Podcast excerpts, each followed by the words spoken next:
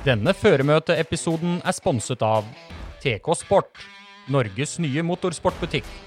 TK Sport selger kjøreutstyr og tilbehør til motorsport av topp kvalitet. Besøk vår nettside tk-sport.no.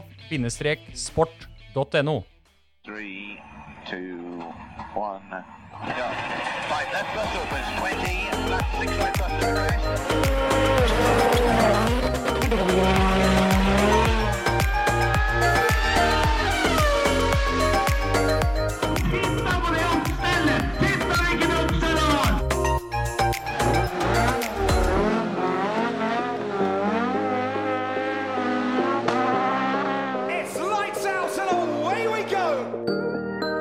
Og gjett om vi gjør det, for i dag blir det et ordentlig opplegg av en episode.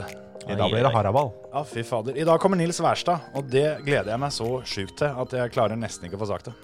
Jeg tror nesten jeg blir litt starstruck jeg, når vi får han inn, eh, inn døra her. Jeg har kjent litt på det sjøl, vi har hatt, eh, vi har hatt veldig mye, mye bra gjester og mye store navn og alt det der sånn, men eh, i dag har jeg kjent litt på det faktisk, at dette her kan bli, dette blir litt spesielt.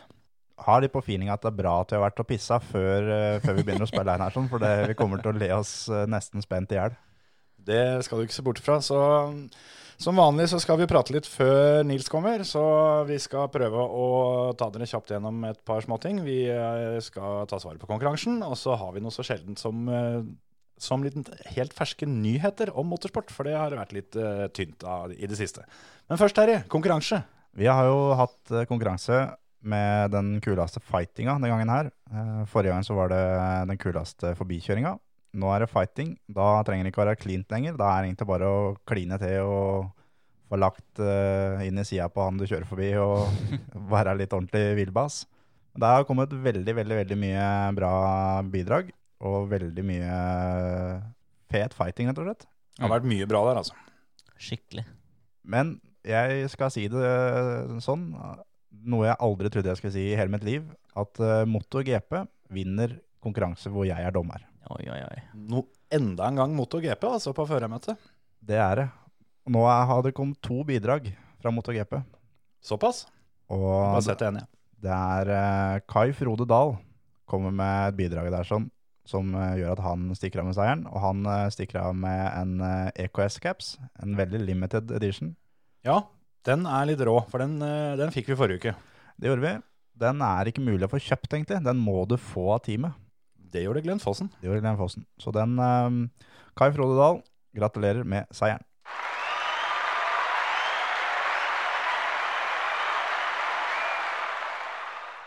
Da er det bare å sende oss eh, adresse i eh, innboksen eller på et eller annet hvis du finner ut av det, og så sender vi deg caps. Og legg med telefonnummer òg, for den eh, der sånn må du få sporinga på, rett og slett. Rett og slett. Det, det er sant. Og eh, denne gangen så, så hoppa vi rett til vinneren. Ingen nevnt, ingen glemt, men eh, det var stort sett bra kvalitet på alt det andre òg, så det er verdt å ta en tur inn i den tråden og så kikke litt. Det var rett og slett skyhøyt nivå. Bortsett fra at Antonsen ikke kom med et bidrag. Ja, for du stjal jo bidraget mitt. Jeg satt her når du lanserte denne konkurransen, så tenkte jeg piece of cake, denne her vinner jeg. Jeg har eh, det beste klippet. Og hvem klipp posta han der kødden på andre sida av bordet her? Jo, det var det klippet jeg skulle legge da. Måtte legge lista, da. Det var flere som kommenterte det, faktisk, at det var vanskelig å toppe akkurat den. Ja, så der, da ble jeg Jeg ble sittende og leite en del i, i karting, faktisk. Arkivet. Mm. Det er jævla mye kult der, Mm. men uh, Det når, når liksom ikke helt opp. Nei, det skal liksom være på et sjukt bra nivå hvor det på en måte bytter plass hele tida og styrer og men det er gjerne flere involvert i karting, og så kan det gå liksom en seks-sju runder, og så begynner de å fighte igjen. Så det er liksom sånn, Du kan ikke legge ut en halvtimes YouTube-film, liksom. Det er ikke like fett. Men for å si det sånn, da, den som jeg posta sjøl, som liksom satt, uh, satt lista, Mm. den hadde ikke vunnet. Vinneren Nei. er bedre. Ja, det er sant. Det er så drøyt, faktisk. Så nei, det var moro. Konkurranser er gøy. Nå eh, over til noe eh, helt annet, for eh, ja, nå spiller vi inn dette på tirsdag, så i dag kommer jo den offisielle nyheten. Det, mm, det var litt muring om det i går kveld allerede, at Sebastian Fettel han kommer ikke til å forlenge kontrakta si i Ferrari. Så dette her blir siste sesongen. Og det har jo også vært spekulert i at om sesongen kommer i gang, så blir det uten Fettel, det også. Men det er ikke bekrefta, da. Så Det er ei lita bombe inn i Formel 1-sirkuset, for der er stort sett hele gjengen på utgående kontrakter, og nå er silly season for alvor i gang. Ja, det kan du trygt si. Det var jo Det begynte jo her for en tre-fire dager siden, tenker jeg, hvor det kom ut at uh, Vettel var uh, tilbudt en eh, ettårskontrakt med samme lønn som uh, Leclerc, og det takka han pent nei til. Eh, og ryktet sier at det kom en til med høyere lønn, men ikke lenger kontrakt, da. Nei. Så da var det tydelig at eh, han var ute etter flere år. Jeg vet ikke, kanskje en, eh, en måte for han å takke pent for seg i Ferrari og finne et nytt sted. Det har ikke akkurat gått dritbra de siste åra. Han holdt vel på å vinne i 2018, og så har det vel ikke vært noe, noe særlig etter det. Eh, han kom jo fra Red Bull og firedobbel verdensmester og alt sammen, og Mm. ble henta til Ferrari for å på en måte enda et forsøk, da, for å, for å kalle det det, å fylle sko etter Schumacher og få en ny eh, dominanseperiode der. og Det, Det gikk ikke for han heller. Det har vel egentlig vært litt plundrete for de fleste som har kjørt Ferrari siden Schumacher, så Ja, det, er- det, det har vært vanskelig, men han har vel vunnet i Ferrari. Ja, han har jo vunnet i løp og sånt, men Ja, eh, Sånn at uh, han har ikke dominert, men han har jo fått vinne i løp, liksom. Så han har jo fått i hvert fall sjekka den vinne i en rød bil, da. Han er vel den tredje mestvinnende Formel 1-føreren for Ferrari noen Ja. gang. Bak Schumacher og Lauda. Det var vel over ti seire eller noe sånt nå, ikke? 14, tror jeg han 14, har. ja. Så, um, så han har jo for all del levert varene, men mye tyda jo på i fjor at eh, Ja. det var ting som skjedde. Han hadde en veldig, veldig rufsete eh, sesong i fjor, hvor ting ikke stemte helt. Nei, det var mye tull og snurring og Ja, det, var, liksom, det, var, det, det var så klønete. ja, det var mye, og så toppa det seg jo litt da med den smellen mot da Charles Leclerc eh, Ja. på tampen der. Så Det er litt sånn at når du har et sånt år som det der, da, hvor liksom nesten uansett hva du gjør for noe, så går det dritt. Du havner litt på kanten med teamet, og Mm. Eh, teamet mener det er sjåføren sin skyld, sjåføren mener det er teamet sin skyld, eh, kanskje bilen sin skyld. Ja, For de kan jo si det at det, det må være du som er problemet, for eh, Charles han har jo vunnet løp. ja, ja. Så det er jo ikke bilen det er noe gærent med. Det er akkurat det, og da blir det liksom, når det skal forhandles ny kontrakt da, så er det sånn, du legger ikke godvilja til da når du forhandler kontrakt. Nei. Og de var, de var vel ikke ute etter å, å, å forlenge den så jævla mye lenger heller. De er jo keen på å få inn det som går fort. Ja, så er det jo For Ferraris del da, så har jo ting funka ganske greit. Men altså De, de overraska jo litt og tok en sjanse når de, når de henta Charles Leclerc. Og Mm. det fungerte jo egentlig over all forventning i fjor. Og på mange Ja. måter så tok jo han litt over førsteførerstatusen. da, Eller var, han, han banka i hvert fall på døra. Det var så midtveis i sesongen egentlig, så begynte han å så, Eller egentlig ganske tidlig, så Ja. begynte han vel egentlig å si det at eh, Vet du hva, hvorfor får jeg den teamordren her nå? Ja. Det er jeg som kjører fort.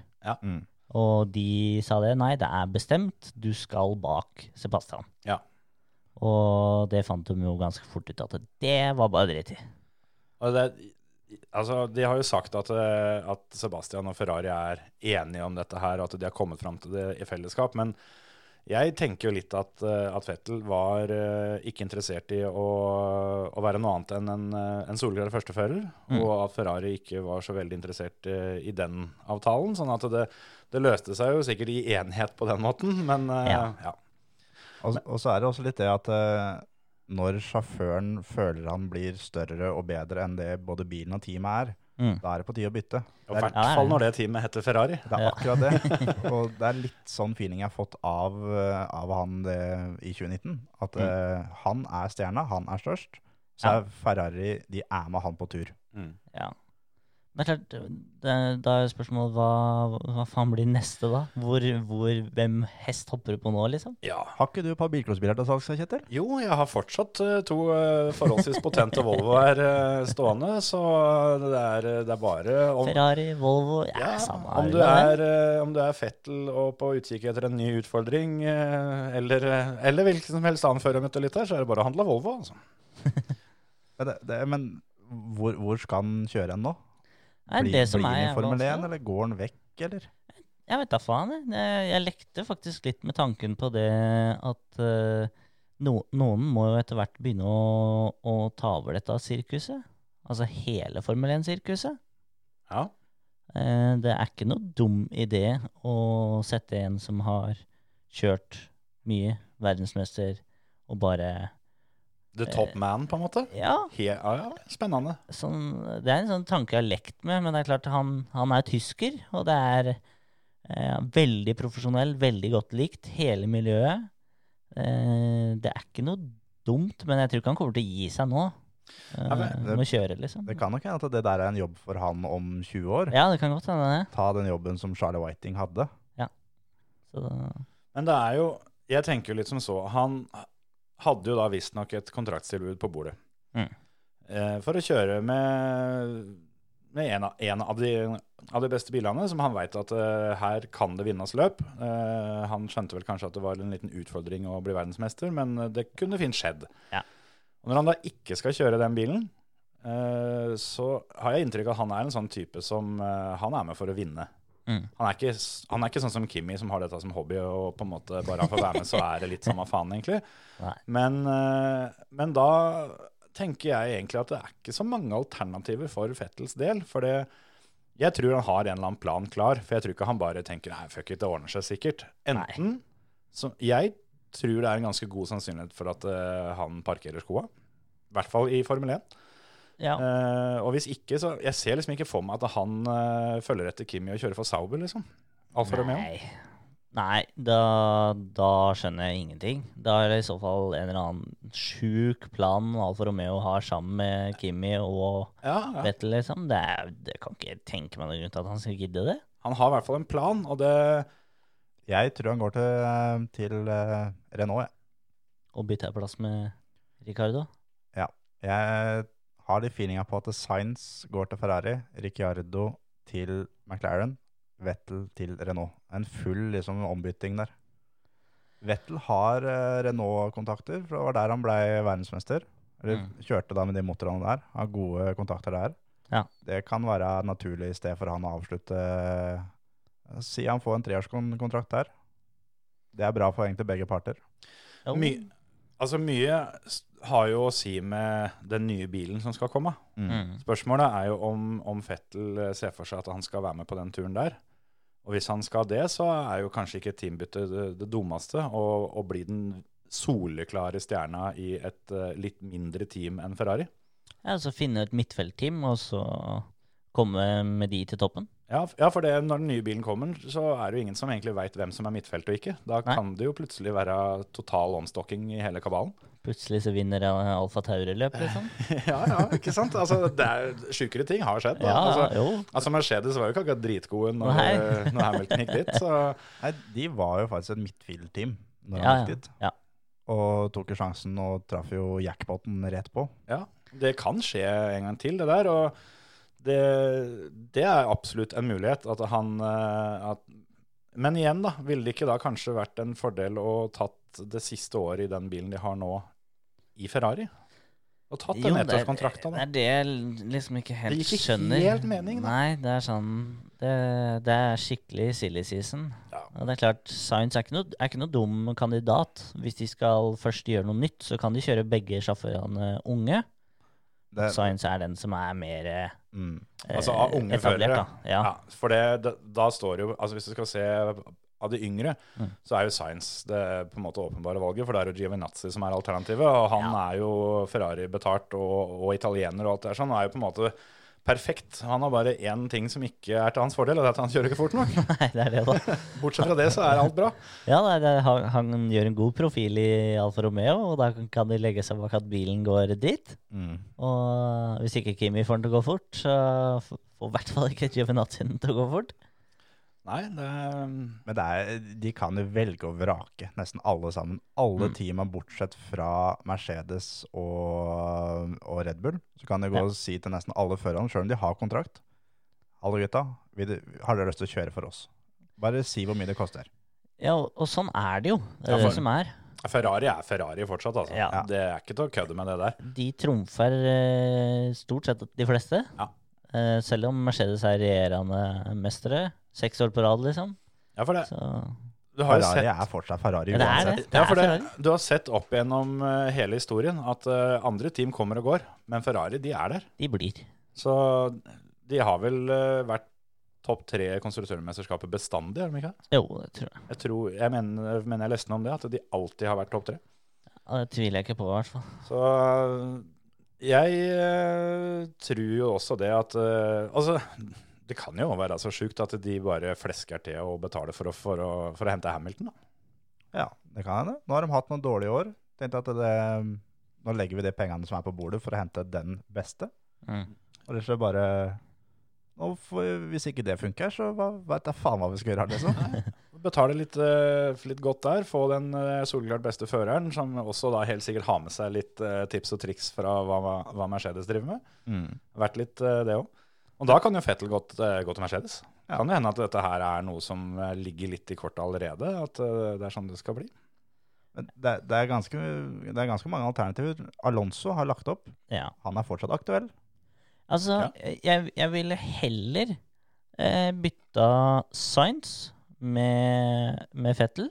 Fettel blitt ute et år, i hvert fall da i, i 2021, med gamlebilen. Fått Alonso i uh, McLaren igjen. Nei, ikke Ja, i Renault. Oh, ja. Og så fått Ricciardo til McLaren.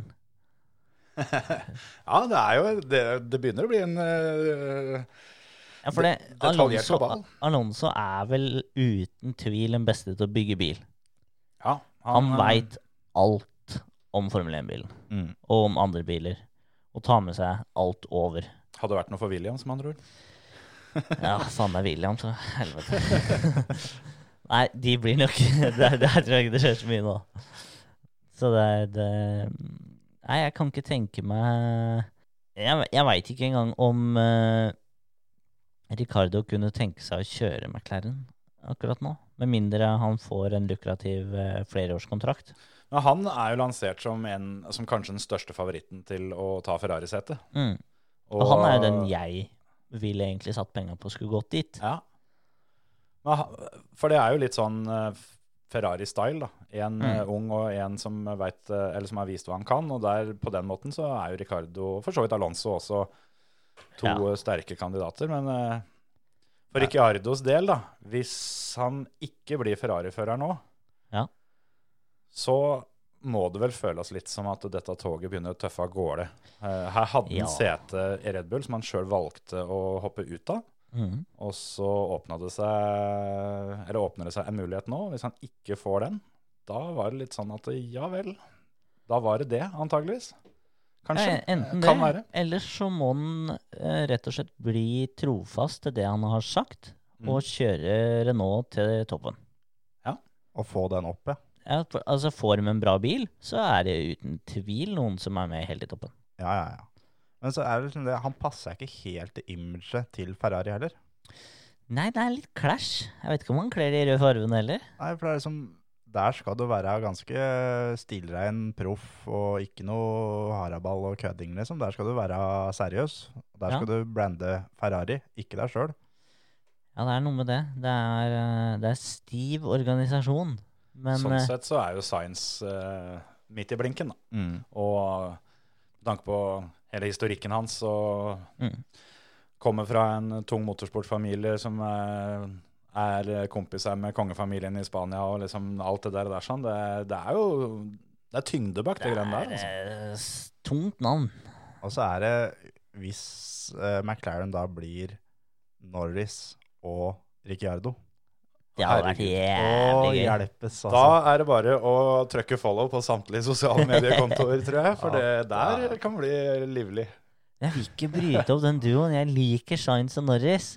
For da har har du syns- én klovn og én seriøs. Ja, men så har Carlos begynt å Altså, han er jo morsom, og har jo, har jo vært i teamet. Og veit jo at så fort han på en måte er litt komfortabel, så, så leter han litt på sløret, og så, og så bor det en sånn morsom spanjol der. Ja.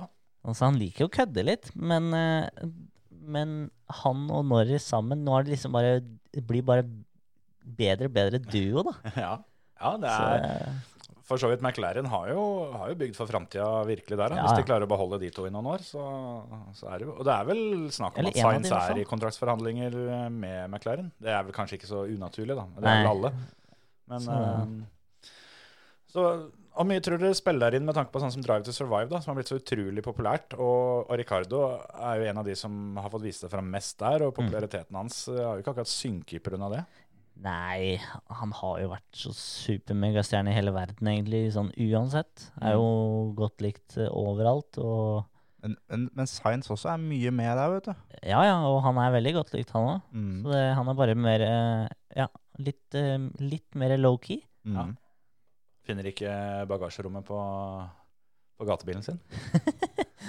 Kjempefin scene. Men apropos Drive to Survive, så vi skal jo ikke vi skal ikke glemme agenten til sjølveste Grosja her. Da. Det kan det jo hende han får seg et Ferrari-sete. Nei, da, da, da er det unsubscribe på Formel 1, ass. Fy faen. Da, ja, da, da gir jeg opp. Da, Ja. da legger jeg opp min Formel 1-karriere. Da er jeg ferdig. Da, da går jeg inn på Formel 1-appen, og så tar vi pent og melder oss av den subscription, og så avinstallerer vi dritten. Å, herregud. Det er, det er greit han agenten eh, tydeligvis kan trylle, men det finnes grenser, altså. Men så er det pastor Maldonado òg, vet du. Jeg har sett bilder. Jeg er nå i dag med han i Ferrari-dress og Hola. Nei, fy faen. Ja, Nei. nei, det Hva er det vi landa på, gutter? Eh, Terje tror uh, Science til Ferrari, Ja. og du var litt på Ricardo, var det det? Ja, om ikke, ikke nå, så Jeg, jeg, når, Tr liksom? jeg tror det er veldig jevnt mellom de to. Jeg, jeg tror Ja. det blir én av de to. Blir det Må noen, være blir det de noen andre enn de to? Da skjønner jeg ikke noe, altså.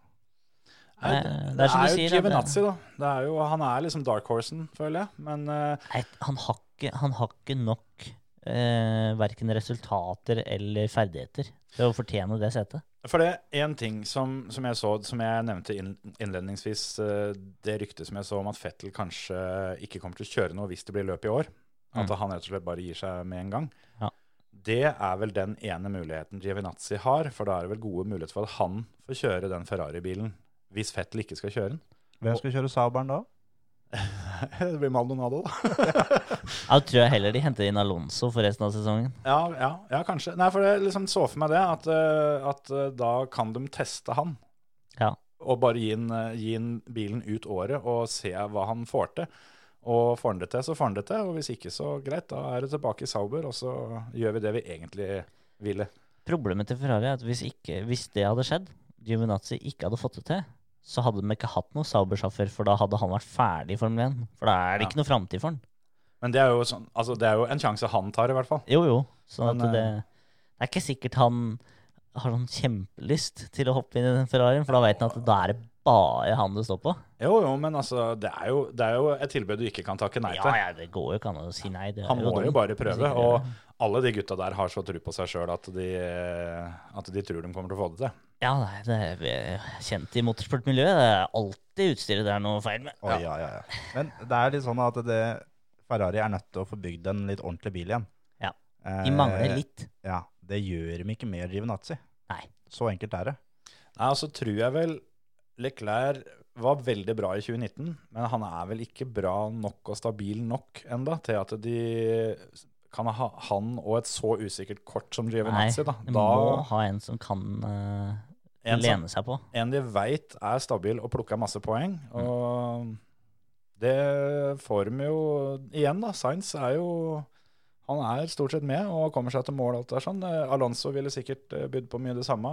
Ricardo er vel litt mer loose cannon, men eh, går det Oh. fort, så går det fort. Og, Da går det jævlig fort. Men så er det vel alle de løpa det ikke går så bra, da. Men nei, det, er, det blir jævlig spennende. Men Jeg tror ikke folk tenker på hvor viktig det konstruksjonsmesterskapet er, med tanke på hvor mye eh, fabrikkene får betalt for det. Ja, og ikke minst eh, så er jo det reklameverdien og alt Ja, ja. sånn. Og der, der er vel spesielt eh, eh, Ferrari er jo er vel de som, som på en måte sikter hardest på den, da. Mm. Men det er vel de som er eh, bilfabrikantene i seg sjøl, da. Med Ferrari og Renault og de her oh. Tunge der sånn, som, som vektlegger den mest, da. Og det er mye viktigere enn folk tror. Det der, eh, tenker bare at ja, ja, nei, da, da ligger Ferrari som nummer fire, liksom. Men da, da, da er det krise hos ja. Ferrari, liksom. Da, må vi legge ned Formel 1-time snart, liksom. Da ruller det huer ganske kjapt hvis uh, Altså For å si det sånn, Ferrari hadde ikke uh, akseptert å gå gjennom en sånn dal som uh, f.eks. Williams. da. Nei. Det hadde vært totalt uaktuelt. Arrivederci, hadde de sagt da. Snakkes aldri. Ja. Det blir spennende. Vi eh, får håpe det Altså Egentlig så håper jeg ikke det blir noe avklaring på ganske lenge, for da kan vi prate mer om dette her. Men uh, sannsynligvis så blir det vel en silly season-periode framover nå, hvor mange av førerne kommer til å bruke dette for å skvise ut bedre kontrakter for seg sjøl, sånn som Hamilton f.eks. Han kan jo bare si det at ja, men gutter, da må du åpne lommeboka her, Toto Wolff, ellers så går jeg til Ferrari. Jeg har vært hos Ferrari. Hva- Kommer inn på kontoret. Død, Toto. Røde biler er ganske kult. Ja, nei, det blir, det blir helt galskap. ja. Det blir dyrt for den. Altså er det jo det, da. Med, for Hamiltons del, det, det virker jo egentlig ved første tanke utenkelig at han skal forlate Mercedes. At eh, det der, der er liksom et drømmeteam. Men så er det jo det at førere og de beste førerne blir ofte målt etter om de klarer å vinne med flere biler. Og Ja. det klarte ikke Fettel.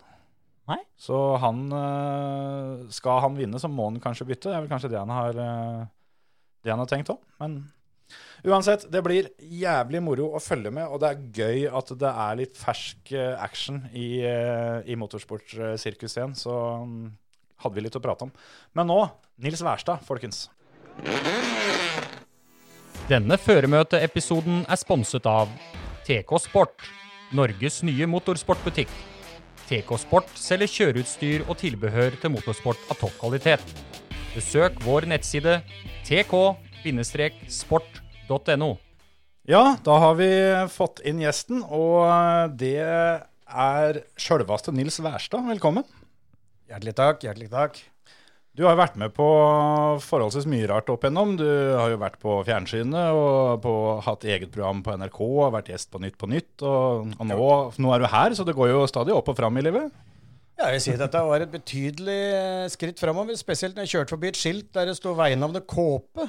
Ja, Jeg tenkte OK, vi er såpass langt ute på bygda, ja. ja, ja. Ja, ja nei, men det Midt i Vestfold. Men det er, men det er, det er mye av samme lukta her som som det der i Hønefoss, jeg tror. Litt sånn landlig lukt. Det som er så fint, vet du, når du vokser opp uh, utafor Oslo og si at det er det viktigste, da. Det er klart at uh, Vi hadde aldri kunnet lage de greiene vi gjør hvis vi hadde vært født og oppvokst i Oslo. Nei, det kan det kanskje Ja, sett litt annerledes ut, ja. Ja, ja, ja. Da veit du ikke åssen resten av verden ser ut. ikke sant? Du tror at alle ser ut som de folka rundt deg, og når du da møter en eller annen karakter da, som har noe jævlig bra med seg, men som kanskje ikke er akkurat som deg, så står du bare og gaper og ler og lurer på om du finner på tivoli. Ja. Hvor er resten av troppen? Dette har blitt sagt på NRK, faktisk. På en visning.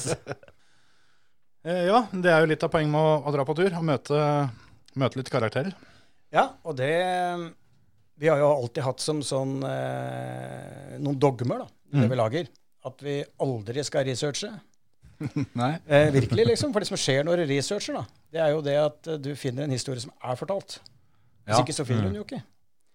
Og det som skjer når du filmer folk som har fortalt historien sin før, og såpass mye at de til og med havner på Google, så du kan, eh, så du kan finne dem, da. Ja. Da skjer et eller annet, for de leiter ikke lenger etter orda når de eh, skal si ting. De, de drar av seg lekse, da. Mm. Og det syns så utrolig godt eh, på TV når folk forteller en historie for første gang. Mm. Eller de har fortalt den 20 ganger før. Og dessuten så er jo i hvert fall i vårt tilfelle ikke det som er interessant, eller å finne folk som har en så eksepsjonell historie at han er fortalt mange ganger. Mm. Men du finner jo ut at når du kjører et eller annet sted i verden, da, og det er jo bare oss to, det er aldri noe kamerateam og sånne ting, det er Ronny og meg, Mm. og da blir det jo sånn at du er avhengig av å ha kontakt med folk. Mm. Du er helt avhengig av å møte folk. Og, det er, og da må du ut av bilen.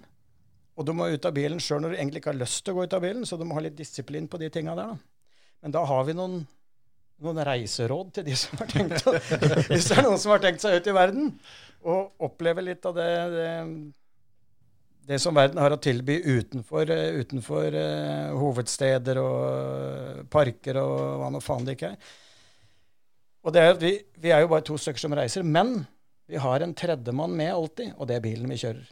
Ja, ja, ja. Og det er helt sånn bevisst valg vi har, fordi du kan tenke deg at eh, vi kommer kjørende inn på en bensinstasjon, da.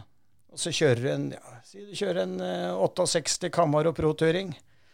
Eh, Ja, det- ja, tenk det. ja, ikke sant?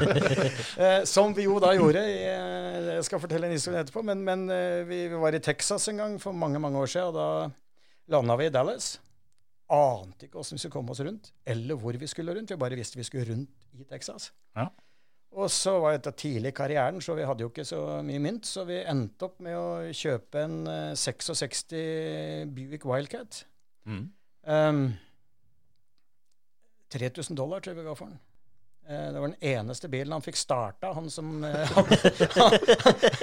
All of my cars work, sånn. Og så var det etter fire timer så var det sonorista på huet, liksom. Og så OK, this one starts.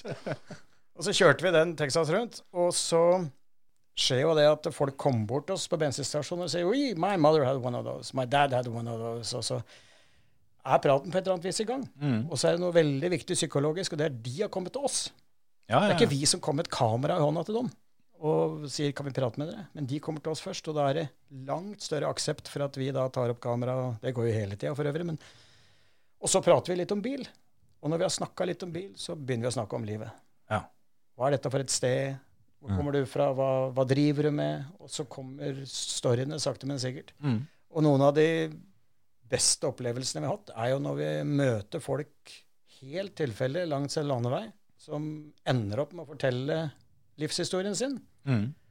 Og den er kanskje ikke så grom heller, sånn at når de hører den for første gang satt sammen, da, Ja. for det er første gang de kanskje sier det til noen, Ja, ja, ja. så står de der og svelger litt, og det kommer et tår i øyet, og jeg og Ronny står og svelger, og Det er noe med den greia der, men det å Og så er det en annen ting med bil som er jævlig viktig, og det er at vi prøver ofte å ende opp med å kjøpe en bil. Vi kjøper biler, vi driver ikke og låner og leier. Kjøp bil, for faen. Og så og, det, og for å si det sånn, noen har blitt med hjem igjen òg. Er så glad i dem, vet du. Ja. Og så pleier vi å skaffe en bil som det er overhengende sannsynlig at knekker sammen underveis.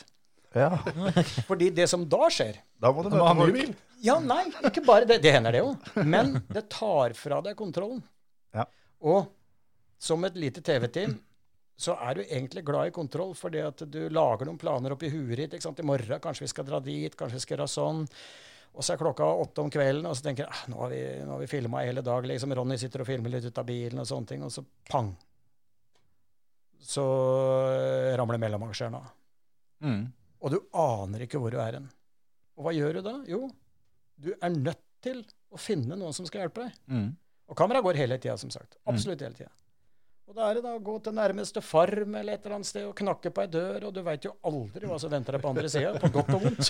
Nei, ikke sant? Det, Vi har jo gjort det i Texas og fått beskjed om at uh, hadde det vært én time seinere nå, så hadde du fått børsepipa i panna, liksom. det var det jeg tenkte Og hadde du på. gått til naboen, så hadde han skutt deg. Ja, Så det er sånn, det er lov å ha flaks, da. ja. jeg tenkte på det, at da må du vel ha sett eh, et og annet rifleløp? Å ja. Vi har hatt rifleløp i panna, vi har hatt den i ryggen, vi har hatt den i, og jeg er blitt skutt etter òg.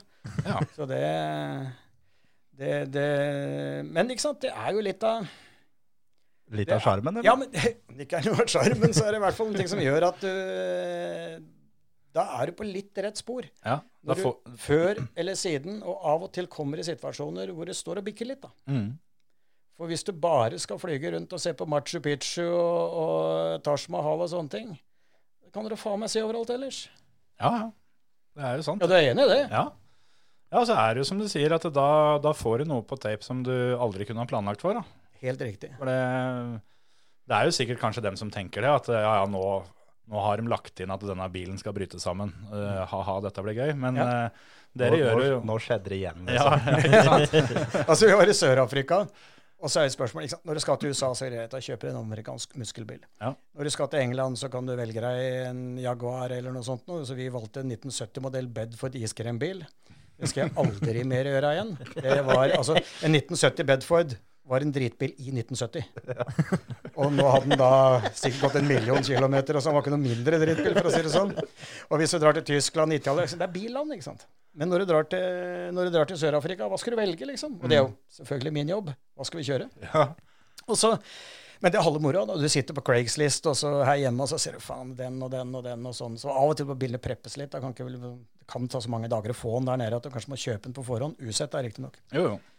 Og så sitter jeg og blar, så er gamle kortlinjer og mye rart. ikke sant? Og så kom jeg over en eh, 1970 Jaguar XJ eh, eneren. Mhm. Men det var en bakkeløpsbil. Såpass? Ja, ja, med E-type-setup med tre doble gasser og, og racingkasse og catchtank og bur og alt sammen. Jeg går ut fra det ikke var negativt i din bok. Å, gud nei. altså, det var Han står på Hellandsmoen nå. Men altså, den, den var Den hadde alt riktig ved seg, for det var åpenbart en racerbil. Ja. Du så det på lang vei at her kommer en gammel Jaguar, men det er en racerbil. Ja. Og lokalbefolkninga sto jo bare og skreik etter den. Når du kom kjørende inn på en bensinstasjon, så, så var det, det, det gikk jo for folk. For de det var, og det var jo selvfølgelig bent ut pipene under døra, da. Ja, så det var jo litt låt, dette greiene òg. Herre fred. Men selvfølgelig rattet på feil side, og det gjør jo at eh, Det hender jo. Det har hendt i hvert fall at Ronny og jeg, når vi er et sted, jobba hele dagen, så kan det hende at vi tar en lettøl. Ja. Og så, eh, når jeg får en lettøl, så sover jeg litt dårlig om natta. Og sånt, så jeg, og når jeg da skal kjøre videre dagen etterpå, så er det ikke alltid at huet er der.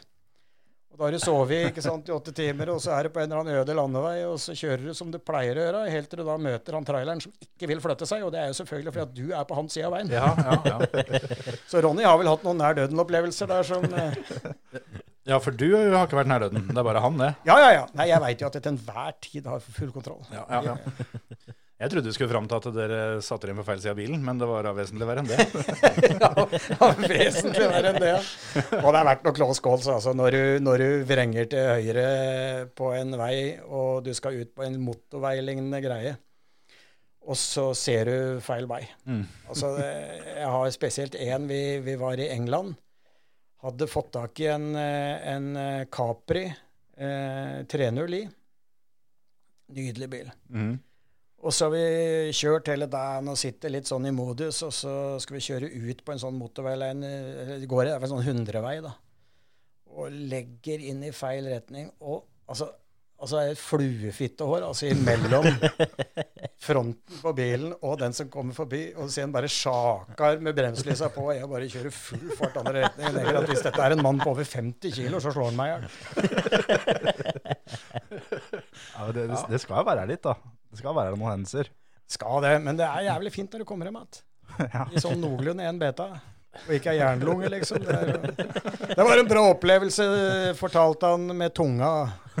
Det, det blir liksom ikke helt det samme som å sitte på puben og ljuge. Det blir vel fort litt eh, annerledes TV-episode av det, i hvert fall. hvis Det gjør vel er det. Det blir sakte-TV Ja. når du ligger i, Kunne- kunne når du det ligger i kuvøsa. Kunne gjort det jævlig sterkt. Ingen grenser, da.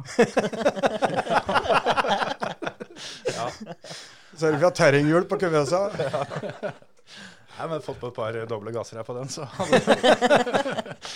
Nei, men det er, det er klart at uh, bakfylla og ei lita rundkjøring bort til England, det har, det har lurt folk før, det. altså. Vi har, vi har jo vært med på sånt, vi òg. Vi, vi har det, så det Ja. en- og én ting er nærmere i England, men når du har den samme opplevelsen, at du har vært litt eh, tung på risvinen, og du skal ut i trafikken i, i India f.eks., hvor de også jo kjører på feil side Ja.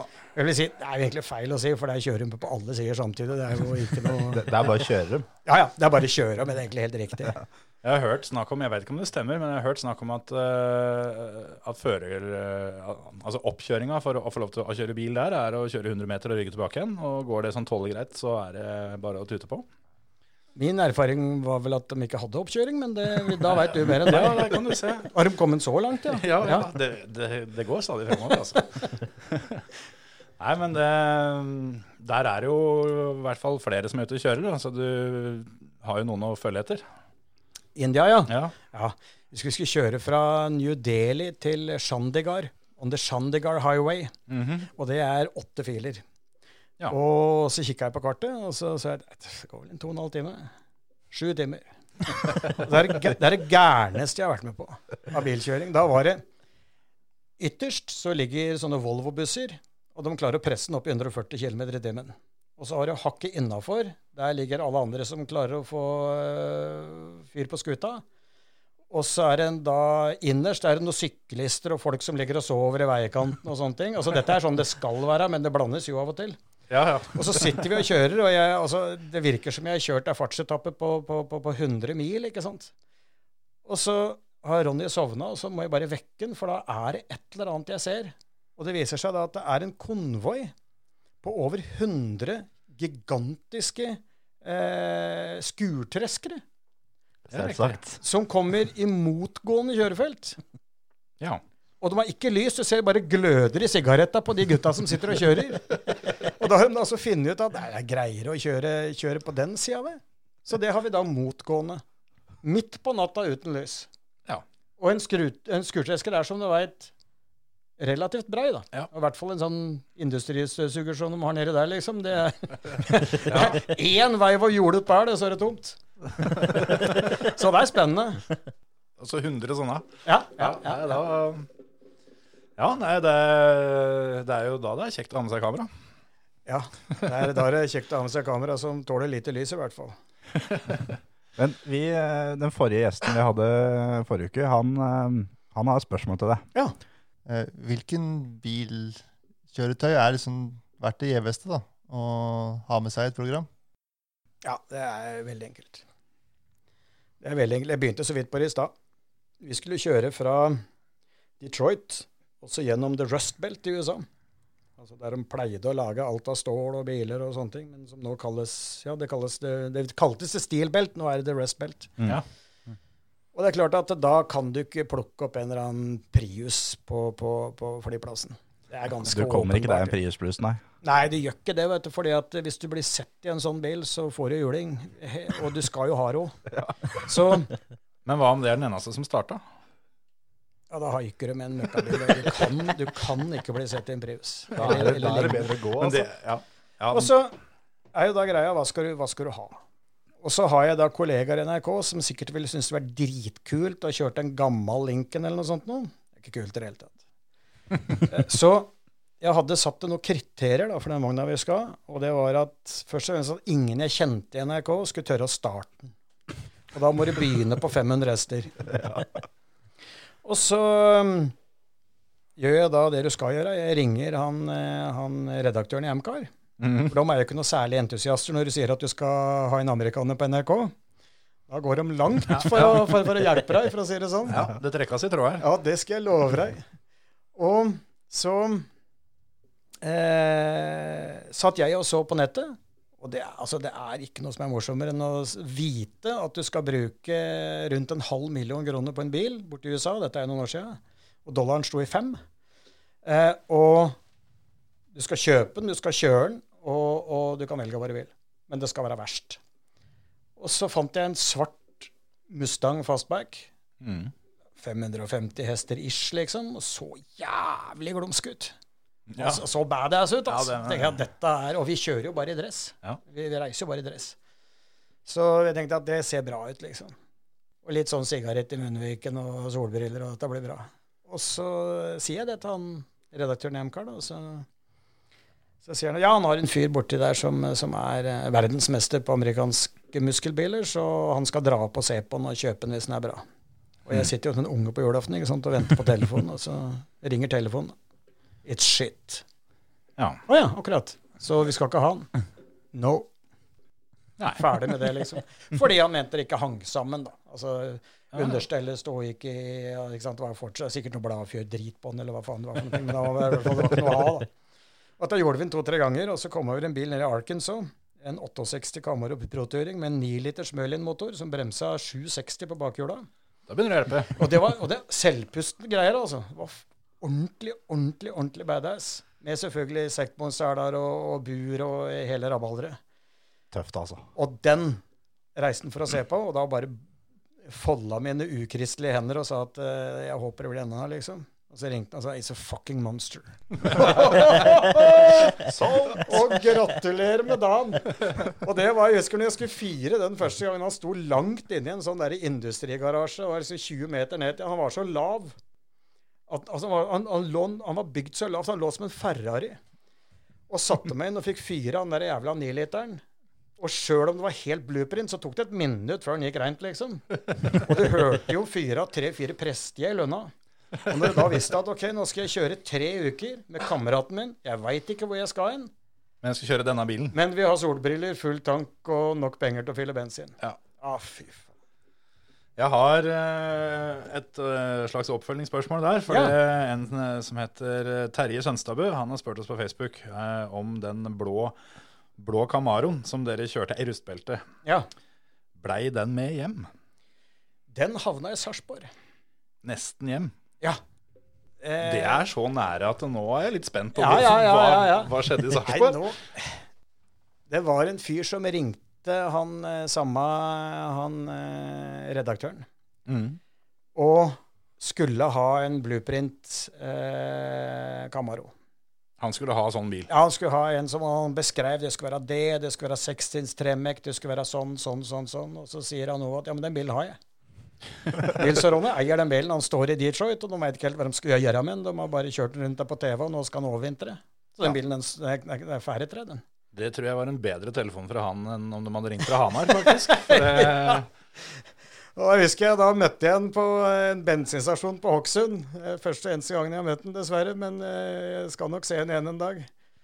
Og da husker jeg da Det er første gangen jeg har sett så mye kontanter og så mye syltestrikker. Men han var skraphandler, da, så var kanskje ja, ja. Han likte vel kontanter, tror jeg. Hvem gjør ikke det? Den klarte han faktisk å hoppe med på isen. Han satte jo ishjul på den. Ja, selvfølgelig gjorde han Det, det. det sier seg sjøl. Ja, Så klarte han å hoppe så jævlig, for han traff en sånn iskurb. Og så landa han så han, han bøyde ramma på den. Fantastisk. ja, den er jo ikke akkurat lagd av tørr spagetti, den ramma. Nei, og, og, er det var jo selvfølgelig racingramme på den. Det, var jo, det var jo custom ramme. Det var jo ikke noe, det var jo ikke noe gammelt eh, 68 igjen i den bilen, omtrent. Jeg bare ser for meg han fyren her da, som sitter hjemme og drømmer om den, akkurat den bilen, Ja. For å få ishjul på det. Da, det er to ting som ikke summerer opp for Nei, meg. det verste altså. var at han tok ut 9-literen og satte inn en LS7. Flott. Nei. Da, Han syns det blei for heftig, liksom. Det blei for mye brumming. Da det er det for... fra Sarpsborg, da, altså. Ja, det Det er vel mye som tyder på det da, jo. Men det som var greia, var at jeg har en kamerat. Han satt og så det programmet, og så ringte han meg ti minutter etterpå, og så sier han at jeg skal ha den bilen. Mm. Men da hadde jo programmet Da Ja. hadde vi jo solgt bilen allerede. for Programmet kom jo tre, kvart år etterpå. Ja. Og han var helt på gråten. Og så sier jeg at ja, men jeg kan jo se om jeg kan hjelpe deg å finne en tilsvarende. liksom. Ja, for egentlig skulle det være 69, fordi at han var født eh, Dette var en 67, eh, den der blå. Bare gammel dritt. Egentlig skulle det være en 68, for han var født i 68 sjøl. Ja. Og så går jeg inn på nettet, og så går jeg til åh, heter det Charlotte eller noe sånt. Han driver og selger noe jævlig bra bilbutikk i USA. Og dyre ting. Og så mm. finner jeg en 68 med en LS3-motor, eh, custom ramme, alt eh, med en kabriolet. Klokka tolv samme dagen så har han betalt depositumet. og igjen, da sto dollaren i 5,70 eller noe sånt, og så han er så glad for dette fortsatt at eh, Da er det bare moro å handle. ja. Ja, vi har fått inn eh, flere spørsmål. og Vi har jo en fra eh, Geir Sandberg. Og han lurer på hvordan det går med vennene i den lille fjellandsbyen på Filippinene. ja, det var jo også en story. Han, eh, Geir Sandberg han var spiker når du kjørte Birka, sa han. Nei, er han Geir fra Dokka? det husker jeg. Jeg hørte det ikke sjøl, for jeg satt med hjelmen på der, men jeg, jeg hørte det på TV et, et, et, et, etterpå. Da kjørte vi jo eh, Vi kjøpte en Mercedes 500 SL som vi lagde bilcrossbil av. Og den gikk jo Det var som Geir sa, han gikk jo ikke rett fram én gang. Det var jo, Han gikk jo bare sidelengs og sidelengs. Og så husker jeg han sa at 'der kjem Blykjer'. vi sto på startstreken, og så var det sånn et minutt til start. Og så innafor meg så står en Fiat 850 ja, det som har gått noe bilcrossløp. Så er vel, han veier vel sikkert 100 kilo som er igjen av stålet på den. med fører. Og så sitter han og kikker litt sånn der, han sitter sånn nervøst og kikker på meg, og så hopper han ut av tar av han hopper ut av bilen. Og så, og så banker han på ruta. Jeg er selvfølgelig elektriske ruter. Og så sier han Dø, dø, dø, dø jeg, jeg gir meg i svinga, jeg. Altså, jeg gir meg første sving, jeg. Altså, jeg, det, det, jeg gir meg med en gang, jeg. Altså, så bøtte presser presse på meg, altså. Det, det går bare bra, det. Og vi kondemnerte jo biler utpå der. Ja, det, akkurat det der, der er, eh, er det flere som, eh, som har bedt oss prate litt om. For det mm, Jeg husker veldig godt det den gangen det, det skjedde òg. Jeg tror vel faktisk eh, du er den eneste i Norge som har fått lov å kjøre bilcross med passasjer. Det er riktig. Eh, jeg hadde jo tidligere vært eh, på julebordet til Asker og Bærum eh, vel? Ja. På Geilo, som er et legendarisk julebord. Mhm. Eh, og der var en av toppene i, i Bilsportforbundet. Og han har jeg så mye på etter det julebordet at det var bare en telefon. Så var det ikke noe problem med passasjer, nei. Og her er det mye jeg har lyst til å spørre om, kjenner jeg. Men, Det, det første jeg skal spørre om, var at det gikk det bra med den brusen du drakk Emil, rett før? Ja, det var like før han kom ut igjen. like mye brus i nesa som i magen, eh, omtrent. Men ja, var, eh, eh, den der fjellandsbyen på Filippinene, Ja. Jo da, eh, det var jo eh, veldig kort story, så var jo det at vi var der for eh, 20 år siden. Ronny og jeg, og så var vi oppe i fjella der og filma noe greier, og sånn utkikkspunkt, og så står det ei lita dame der med tjukke briller, og så lurer jeg på hva vi driver med. Og så sier vi nei, vi reiser verden rundt og filmer, og da fins det. Så forteller at det er ei fattig lærerinne som Eller hun sier ikke at hun er fattig, det er ei lærerinne i en fattig landsby i nærheten der. Og så spør hun oss på slutten av samtalen om hvis vi har noen engelske bøker hjemme. Om vi kunne være så greie å sende en to-tre stykker av dem ned, for unga på skolen hadde ikke noe engelsk å lese på. Ja ja, selvfølgelig, det minste vi kan gjøre. Men så var det feil, for det minste vi kunne gjøre var ingenting. Og det var det vi gjorde. Så, um, og så hadde jeg og så hadde jeg det litt sånn i bakhuet i mange år at faen, det var da jævlig unødvendig kjipt å ikke sende de bøkene, liksom. Ja. Og så skulle vi lage 'Handlingens menn', som var den serien som gikk på lørdager i 2017 på NRK. Og da hadde vi litt budsjett, så vi fant ut at vi skulle gjøre opp regninga, da. At eh, siden vi ikke hadde sendt de bøkene den gangen, så, så kan du ta med deg noen bæreposer ned og kanskje gjøre det litt ordentlig.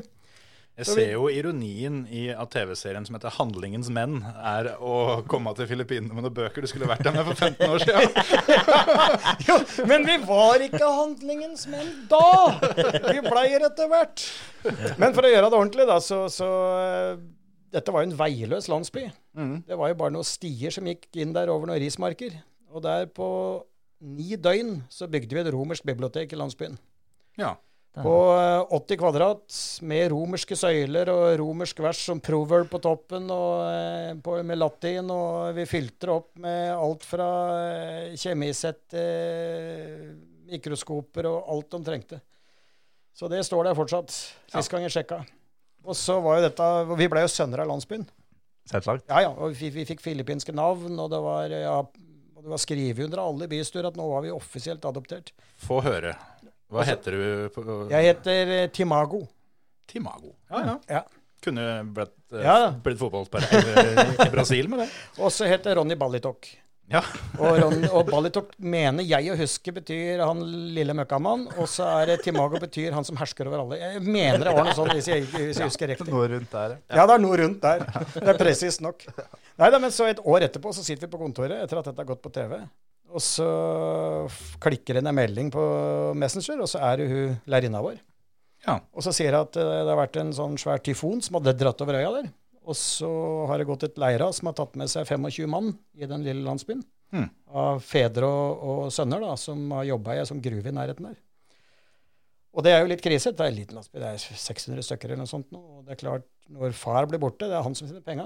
Da må alle unger hjem igjen fra, fra de skolene de har klart å komme til utafor landsbyen, for der må de betale for å bo og sånne ting. ikke sant? Og eh, det huset de har bygd tre vegger på, kan de bare glemme den fjerde. Og, Mm. og så er det ikke akkurat noe Nav å gå til der. Nei. Så vi, fire timer etterpå så satt vi på fly til Filippinene. Da måtte jeg igjen ta en sånn samtale med kona mi, som alltid er litt sånn kinkig. At ber be henne kanskje om hun kunne lufte bikkja i dag, for jeg er på vei til Filippinene. og så legger jeg ut en Facebook-melding idet vi setter oss på fly. Og når vi mellomlander i Doha, så har vi 250 000 kroner. Og når vi lander i Manila, har vi 480 000. Ja. Og når vi er ferdig med alt dette, så har vi 1,3 millioner, tror jeg. Det er det. Og vi kjører jo opp av landsbyen. Det er i vanlig tilfelle ti timer med en firehjulstrekker. Og vi kjørte altså gjennom Jeg, jeg kødder ikke hvis jeg sier vi kjørte gjennom 100 ras. Og Det er dattera mi som ringer. Skal vi se. Ja, det er far. Hei, du. Du, jeg sitter litt opptatt i en podkast, sier du. Ja. Så om det ikke var noe veldig viktig, som at eh, mora er dau eller noe sånt, så Det har jeg ikke. Så det Så det får du finne et annet sted. Fint, jenta mi. Ha det. Nei. Faen. Lever jeg fortsatt? OK. Ja, men da kan vi fortsette. Nei da, så, så Det blir en fryktelig fryktelig rar samtale den, eh, den gangen det kanskje stemmer. Det kan du jo si. Men det er vel Det, Hvis du ser- hvis- ja der, ja. Hvis du ser på en del sånne K-pier, så er det vel jeg som går først der i familien, så det er vel ikke så farlig. Da vi kommer opp der, og så er det jo Det regner jo ut av det ville helvete, og det er jo livsfall å kjøre opp der, fordi det, det går ras hele tida, og det er liksom en kilometer ned på ene sida, og det er eh, Ja. Jeg kommer opp der, og eh, Første gang jeg har vært i butikken og kjøpt et tonn med ris. Ja.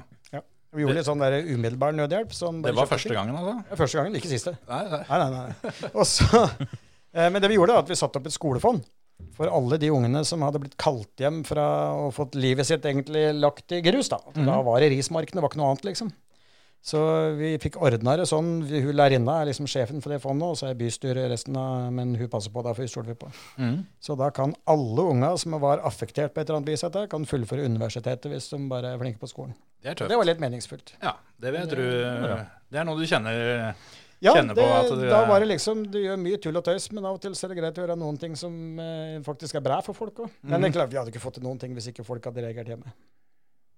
Det kan du si, men det um, Det hadde vel også kanskje en sammenheng med alt det dere hadde gjort før. Ja da, det har jo det. Men det er klart du skal aldri glemme det at man gjør sånne ting fordi man også tenker at eh, det er et eventyr. Og det er klart, når du får lov å kjøre, når du får lov å sette deg i en firehjulstrekker og veit at det tar egentlig ti timer, men det tar nok 16-17 Mm. Du har nok sigaretter. Du får kjøpt kaffe underveis. Og det, det er jo ingenting som Jeg mener det. Det er noe av det morsomste jeg gjør, er å kjøre på Filippinene utafor Manila. Ja. Da skjer det ting. Og da ser du ting. Altså Det er så fargerikt, det er så sinnssykt, og det er så Og jeg elsker jo sånne ting. Det er Mm. ingenting jeg syns er morsommere. Med trusene på.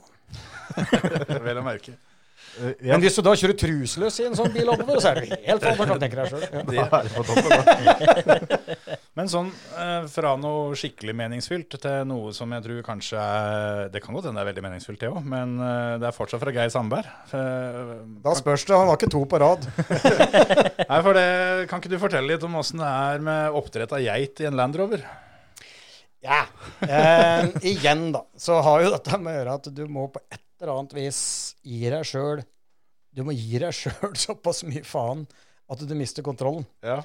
Og så hadde vi kommet på den geniale ideen at vi skulle kjøre Colombia rundt. Ja. Og dette er da noen år siden, så det var ikke så tamt som det er nå. Og så sier jo alle reiseråd at eh, for det første A, ikke dra. Og B, hvis du skal dra, ligg lavt. Og så tenkte vi at eh, nei, tenk om vi gjør det motsatte.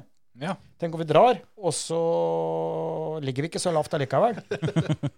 Det eneste gangen jeg har sittet på fly i bunad. Vi hadde ikke med oss andre klær enn bunad. Fordi vi visste at hvis vi hadde med oss andre klær, så kunne vi bli frista til å skifte.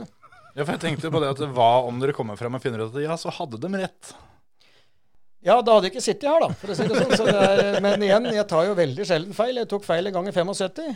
Det, etterpå har det vært tvil om det faktisk var feil, så jeg har ofte rett. Så det, igjen så gikk dette ganske bra. Men det var helt fantastisk. Vi kjøpte en gammel Land Rover som eh, var 50 år gammel. Gikk på en blanding av gass og bensin med en sånn hendel, men den sto alltid sånn midt imellom, så han gjorde jo 30 km i timen på flatmark. Ja. Og så fikk vi noen hiphopere i en sånn derre barrio utafor Bogota til å, til å paintbrushen om natta. I en slags uh, tolkning av colombiansk rosemaling. Så den Fantastisk. bilen den kjente du igjen, for å si det sånn. Og så hadde vi jo ropert på taket med mikrofon, så vi kunne rope etter folk som snakka engelsk. Når vi kjørte gjennom landsbyer og sånn. Ja. Og så tenkte vi at ok, nå har vi bunad. Med sånn brokadevester og hosebånd og hvite strømper og hatt og det hele.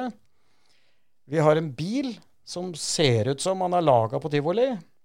Hva annet? Og det var da vi kom på den geniale ideen at hvis vi tar med ei geit, og har den i baksetet, og den ikke er, for å si det akkurat husvant, så vil jo det by på enkelte problemer som vi bare må løse.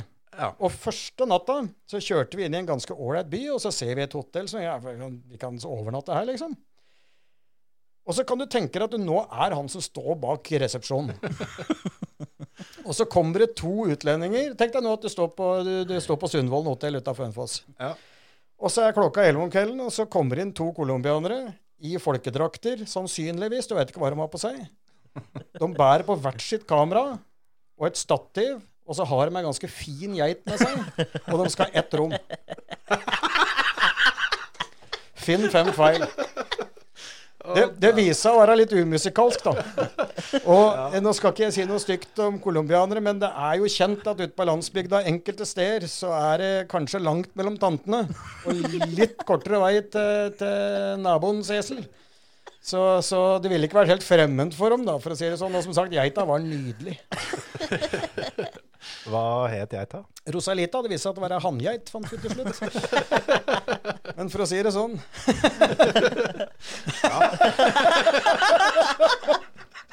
Oi, oi, oi. Look, no teeth.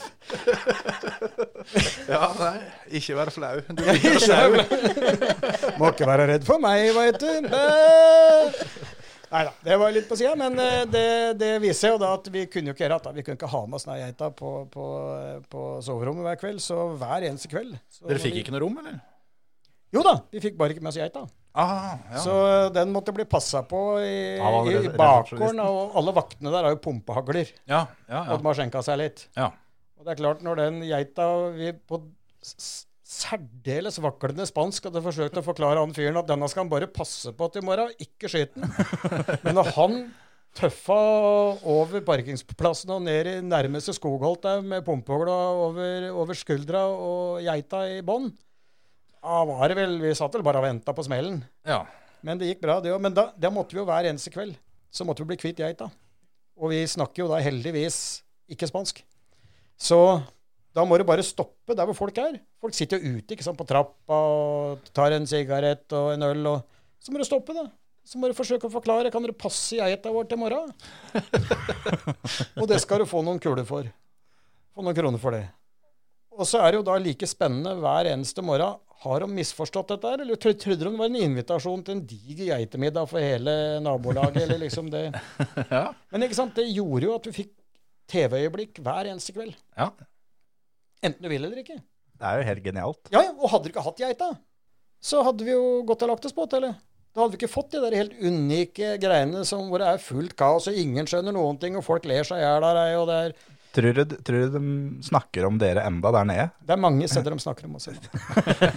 De, de, to, de to homsene med geita?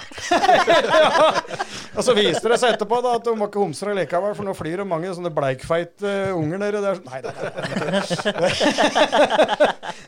nei, men det er nok steder rundt på verden hvor, eh, hvor, eh, vi, hvor vi lever i folkloren, for å si det sånn. Ja, ja. Så på, på, en måte, på en måte neste time som uh, tar tur nedover, dem, eh, da har dere tråkka opp løypa? De, kan, de bør ikke si dem er fra Norge, nei. Da kan det være både positive og negative forventninger kny knytta til det. Blei geita meg hjem, eller? Det siste jeg hørte nå, dette var jo 2014 eh, Geita var jo egentlig andrepremie i Vi var jo nemlig Vi hadde funnet oss en landsby som vi bare hadde funnet på kartet, som het Valparaiso, oppe i, oppe i fjellene i Sierra Nevada. Og så um, fant vi ut at vi skulle I den landsbyen så skulle vi lage en Colombia Got Talent-konkurranse Ja. på torget på søndagen. Og så hadde vi da tatt kontakt med landsbyen og sagt at uh, vi kommer. Ja. Så dette må de lage litt reklame for og sånt. Og så, eh, og så hadde vi sendt noen kroner nedover, da, så de kunne lage litt boards og sånne ting. Og så viste det seg at det de hadde gjort, blant annet, da, de betalte en fyr som satt på et muldyr med en ropert og rei rundt i byen og, og annonserte høyt at neste søndag så kommer de verdensberømte TV-stjernene Nils, eh, Nils Yroni de Televisión de Noruega. Og, var, og presten hadde nevnt dette tre ganger fra talerstolen, at nå, nå var øyeblikket der. Nå liksom. sitter han, liksom. Ja, men altså, tenk! Her kommer det folk fra Europa for å filme. Og så hadde vi jo da vært invitert på en sånn derre fest enda lenger opp i fjella natta før. Og vi hadde kjøpt en gris som ble eti opp, og det var, det var, det var hasardspill, og det var eh, bart brennevin, og det var Og vi våkna opp på en sånn fjellgård der. Og vi var så Vi var så helt eventyrlig fyllesyke. Eller vi var vel fortsatt ganske gode på den, tenker jeg. Det var høyden. Og så Det var, det var høydesyke, var det vi var. En av de hadde ligget i høyde og hotelltrening på Plaza flere der før jeg skulle opp dit. Og så går det opp for oss at eh, ja, men om tre timer så skal vi stå på det landsbytorget nedi der og avholde Colombia Got Talent i 40 varmegrader i bunad, og vi aner ingenting om det kommer én eller to eller tre. Og vi veit jo det at colombianere er verdens hyggeligste folk. Inntil et punkt. og hvis de føler at de blir kødda litt med, så kan det hende det blir litt ugreit. Ja. Og dette er jo ikke folk som er fremmede for å flå et menneske levende. Nei, nei. Det skjedde bl.a. på nabogården der vi, der vi lå og sov. Hadde det skjedd for tre uker siden. Et sånn kartell som hadde vært der og tatt en gamling og, floff, og liksom flådd den. Og hengt opp skinnet hans på, på, på, på, veggen. Ja. Eh, og det gjorde at kanskje frokosten fikk en litt sånn mindre idyllisk glød der vi satt, liksom. At det var tre uker siden. Og, men uansett, da, så, så vi var litt engstelige når vi kom ned der. Og vi fikk ordna Så var det noen som hadde et PA-anlegg, og vi, vi hadde jo med oss banner hjemmefra og sånn, da. Og så hadde vi jo geita som. Og så, hadde, og så var det treapremien var tre kalkuner. Og så var det sigaretter til alle unga. Og så var det førstepremien var en helvete svær gris. Som vi hadde fått kjøpt et sånn der rosa bånd og binde rundt magen på. Men den grisen skjønte at den skulle dø, så han var ikke så samarbeidsvillig. Nei. Så uansett, da, så sitter vi nå der, og så er det en som sier til oss der at det er sikkert lurt å ha med en politimann i juryen. Jaha. Og det skjønner alle hvorfor, for da er det, hvis du da skal skyte juryen, så er i hvert fall han bevæpna. Ja, ja, ja. Da kan juryen Ja, skyte tilbake igjen, ja. Og så begynner det å komme folk, da melder seg på, og til slutt så er det altså da over 40 forskjellige acts. Og noen av actsa har over 40 medlemmer. Da er det svære Janitsjar-band som, har- som har gått over fjella fra fire landsbyer unna for hørt om dette her, da. Ja. Og da hadde jeg puls. Det, Du sitter i sola, i solsteiken. Det lukter ferskt brennevin av deg. Og du sitter der, og det begynner å komme folk. De kommer jo fra, kommer fra omliggende strøk. alltid. Det står jo 2000 stykker ute på dette jævla torget. Og det resiteres dikt, og det danses, og det er skuespill, og det er gitar. og Det var en som kom, han hadde en tam hund som kunne, som, som, som kunne kunster. Og han fikk ikke til å sitte og rulle rundt en gang, og så stakk bikkja av. og, så, og så ser du bare mannen løper ut av mengden som ler seg i hjel, og mens han roper på bikkja si. Så det siste vi så til han, han kom ikke på førsteplass. Men han som da kom på annenplass, han leste noe dikt og greier, da, visstnok veldig fint ifølge politimannen. Men grunnen til at han Han var nok egentlig på fjerde, men vi hadde jo forsikra oss om at han var en dyrevenn. Jaha. Så han hadde litt sånn under bordet lovt oss at nei, han skulle ikke ete geita. Og så var vi i Colombia igjen nå i desember. Var det en måned? Og da forteller han som vi er hos, han har da eh, svigerinna si bor i den lille landsbyen. Han sier at den dag i dag, altså seks år etterpå, så har han der, eh, han er en baker. Han har den geita ennå. Og på søndager så får folk komme inn og klappe den mot pengene. Dæven. At han betalt for at han skal kunne klappe TV-geita. Det er så absurd. Oh, hvor verden tar en, altså. Men uh, med tanke på hvor vi er på kalenderen nå, så kommer jeg til å tenke på det at dette her uh, hørtes jo Altså, her ha, du har bakfylla, du har bunad, du har solsteik. Uh, Det er jo en helt vanlig 17. mai, dette. Det er en helt vanlig 17. mai, ja. ja. Men det, det var det vi fant ut da. Altså det, du kan tenke deg, du er tre uker, og det er 17. mai hver morgen når du klepper deg. Og jeg veit ikke om noen har skrytt av bunadsk- bunadsko, men hvis de har oppskrytt, så er det sant. For når du har tråva rundt tre uker i bunadsko i jungelen i Amazonas Ja, gud bedre meg. Det er ikke mange som har gjort det før, jeg tror jeg. Det, ingen har gjort det. Jeg tror ikke det er så jævlig mange som har gjort det etterpå heller. Det kan hende Men vi ble jo tatt imot, ble jo tatt imot på det mest fantastiske vis. Fordi folk så det som et tegn på respekt overfor dem, at vi kom i våre nasjonale Mm. eh, costumes, da. Dere det- hadde, hadde på det det fineste dere hadde, på en måte? Ja, helt riktig. Og så viste det seg at teorien virka jo fordi hva er det gangstere ikke er interessert i? Jo, bortsett fra juling, så er de ikke interessert i oppmerksomhet. Mm. Og når vi da kommer i en sånn bil, har på oss bunader, geita baki det er, ikke særlig, ja, det er ikke særlig sannsynlig at den landsbyen vi har besøkt, og så kommer politiet dagen etterpå og lurer på har du sett noen karer i bunad Nei, du vet da faen. jeg. Var det noen bunadsfolk her? Jeg husker ikke, jeg har så mye bunadsfolk her. Så det er liksom, det, for å si det sånn, vi, vi strålte jo oppmerksomhet. Og hvis da gangstere kom innafor den strålen, så ville jo ikke det Altså the, the circle of trust. Så ville jo det på et eller annet vis smitte over litt, og derfor så var det litt mer farlig. For dem, da. Det var teorien, og det funka.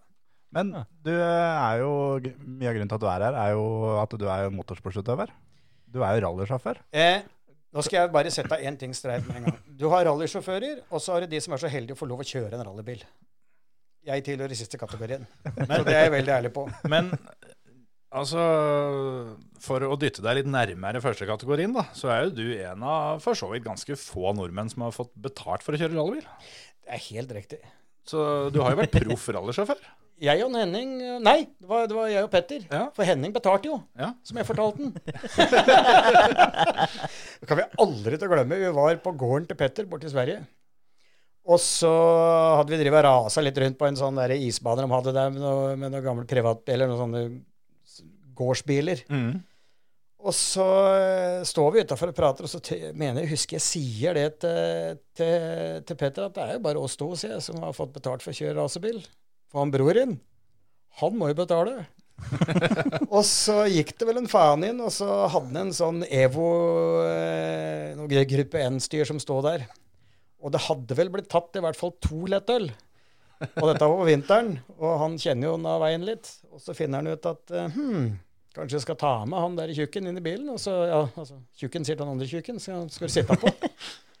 og det, og jeg har jo sittet på mye på rally også, men det var eh, det var sånn eh, den dagen Newton fikk fri, for å si det sånn. Han derre gårdsgutten der, han kjørte inn på løypa etterpå med en, eh, med en firehjulstrekker, sånn derre Can-Am henger og plukka deler.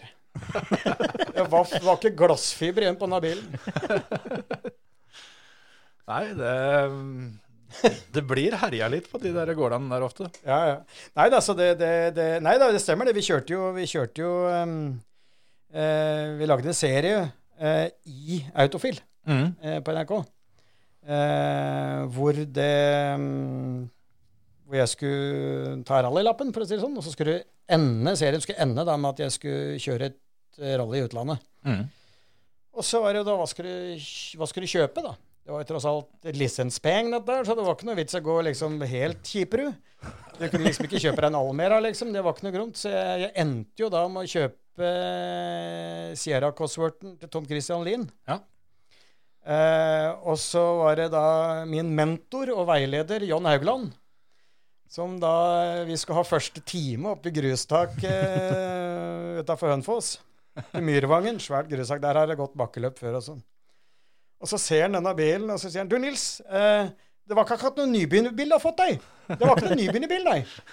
Og det viser seg jo da etterpå, eh, når jeg kravla over John Haugland ut av sidedøra, som da var eh, opp mot himmelen, og det brant under panseret, og det var eh, Da skjønte jeg hva han mente med det, da. Ja, ja, ja. Og som han sa, du sitter jo helt feil, sånn. Ja, sa jeg, men det er Tom Christian Lien som hadde bilen før meg, og jeg har ikke fått justert sete.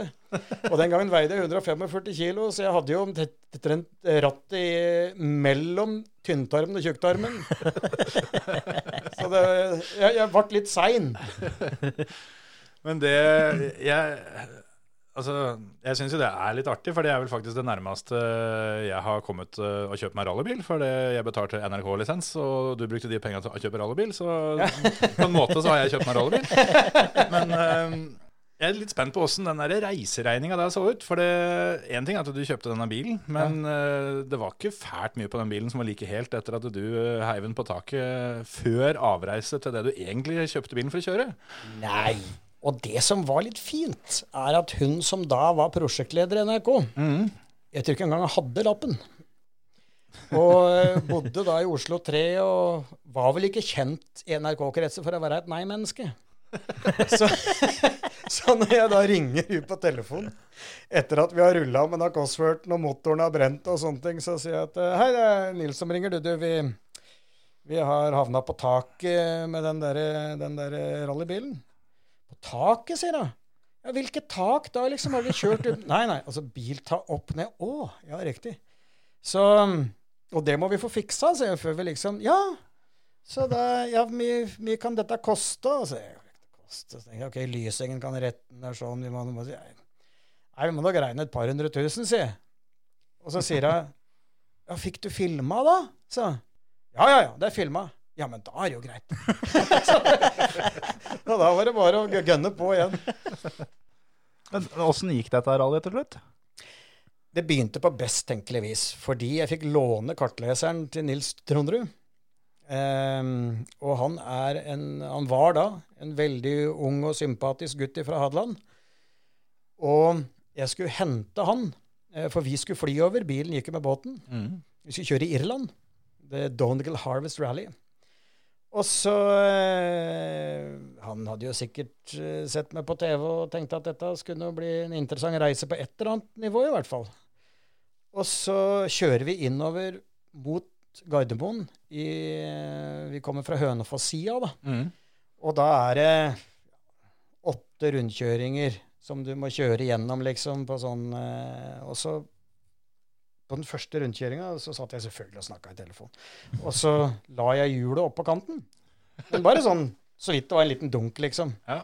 Men så registrerte jo jeg at uh, han eh, unge kartleseren, han, han snudde seg og så på meg, liksom. Og så tenkte jeg OK.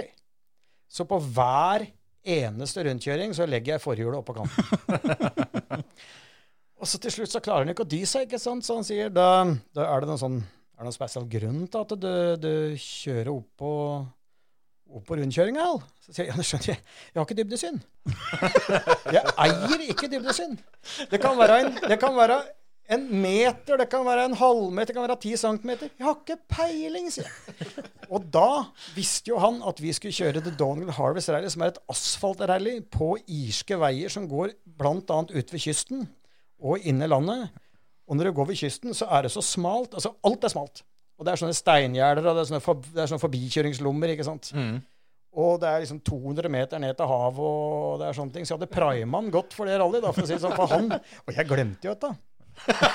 Men det, ikke, det gjorde ikke han. Men Anders han huska dette, han skjønner du. Så når vi da begynner å kjøre eh, Det begynte jo litt dårlig. Vi står på prøva på, på, eh, står på start på første prøve. Og så bare sitter jeg og kjenner litt på pedalen på bremsen. Og plutselig bare røsser den i bønn og blir liggende der. Og så åpner jeg døra, og så ser jeg bare det renner bremsevæske. Flott. Og så viser det seg det at jeg har jo bestilt noen bremser fra England. Eh, asfaltbremser til Cosworthen. Og så hadde vi jeg sikkert fått beskjed om det, men jeg hadde glemt å si det til, til Det var jo blant annet Lysengen og Mats Øyeren som var eh, Mats Øyeren, sier jeg. Mats Løken, som var mekaniker for meg. Og så hadde jeg glemt å si ifra det at uh, det var visst sånn at disse skulle bare skrus til med fingra, de nipla. Ja. Uh, Du må ikke bruke makt for dem, for da bare kapper du kabelen. Og Lysingen hadde tighta fint, han. Ja, ja, ja. Så når jeg da gir press på det, så bare hopper hun. Og så er det jo da 1001 ute, ikke sant. Så, men dette er jo irer. Og de ser vi har prøvd, prøvd. De hopper ut av rallybilene sine. What's up, what's up, what's up? Og, og, det, og så kommer det med ei klemtang, ei spenntang, som han får dratt ut, og så har han da får han da satt og så låst den ene ved bremseslangen, og så heller han på bremsevæske, så jeg har bremser på høyre forhjul. Ja. Ikke noe bak og ikke noe mer. Høyre forhjul. Og så skal vi kjøre på de veia. Uten dybdesyn.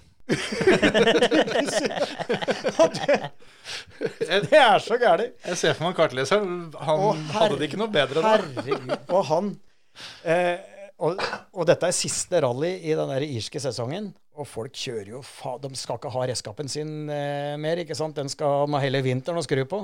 Det ligger altså biler strødd gjennom steingjerder, over bruer. Det det er helt mayhem. Og så um, driver vi og kjører, og så uh, får vi nå kara oss til første service. Og så uh, får vi fiksa dette her, og jeg får med spenntanga og en liter med bremsevæske inn i sideruta. Bare sånn i tilfelle. Ja. Og så er det Altså har jeg med meg en fotograf som skal filme eh, litt mens vi driver på. Og Ronny er med blant annet og skal filme, men det er én fotograf jeg hyra inn. Og så har vi jo vært på gjennomkjøringa, så jeg har funnet en sånn jævlig fin Er det sånn sekserstrekning med, med et hopp på midten for et sånt T-kryss. Mm. Og så bare fortsetter den i seks flat, liksom. Det er så fort det går.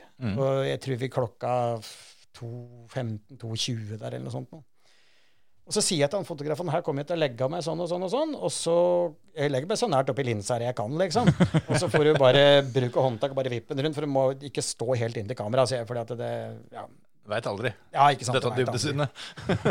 Og så hadde jeg ikke helt fortalt dette til Anders da, at jeg hadde snakka med ham, for han visste ikke han var der. For han hadde jo ikke med noe fotogreiene å gjøre. Så vi passerer altså han der fotografen i sikkert 180 km i timen, og det er så vidt vi ikke tar linsa på han, ikke sant. Og fyker av gårde, og, og så har jeg jo seks GoPro-er inne i bilen. Dette har jeg opptak av alt sammen. Det er meget kostelig. Og idet vi kommer i mål, så river han Anders av seg hjelmen og så har, har du blitt fullstendig idiot? Har du blitt Har det klikket for deg? Og så sier jeg, hva er det nå? sier jeg. Gikk jo fint, dette. Gikk fint. Du er jo klar over at du holdt på å drepe han fotografen? Du er klar over det? Sier ja, men faen, Anders. Jeg hadde jo, det gikk jo, jeg hadde jo sikkert ti uh, centimeter å gå på. Det veit da vel faen ikke du! Du har da vel for faen ikke dybdesyn! Å gud, jeg måtte snakke den inn i bilen igjen. Men uten å avsløre at jeg hadde kødda, da, fordi det kunne jeg ikke gjøre. Så det gikk jo mange år før han skjønte at jeg hadde dybdesyn. da. Det var ikke det at jeg var noe bedre sjåfør, men jeg hadde i hvert fall dybdesyn.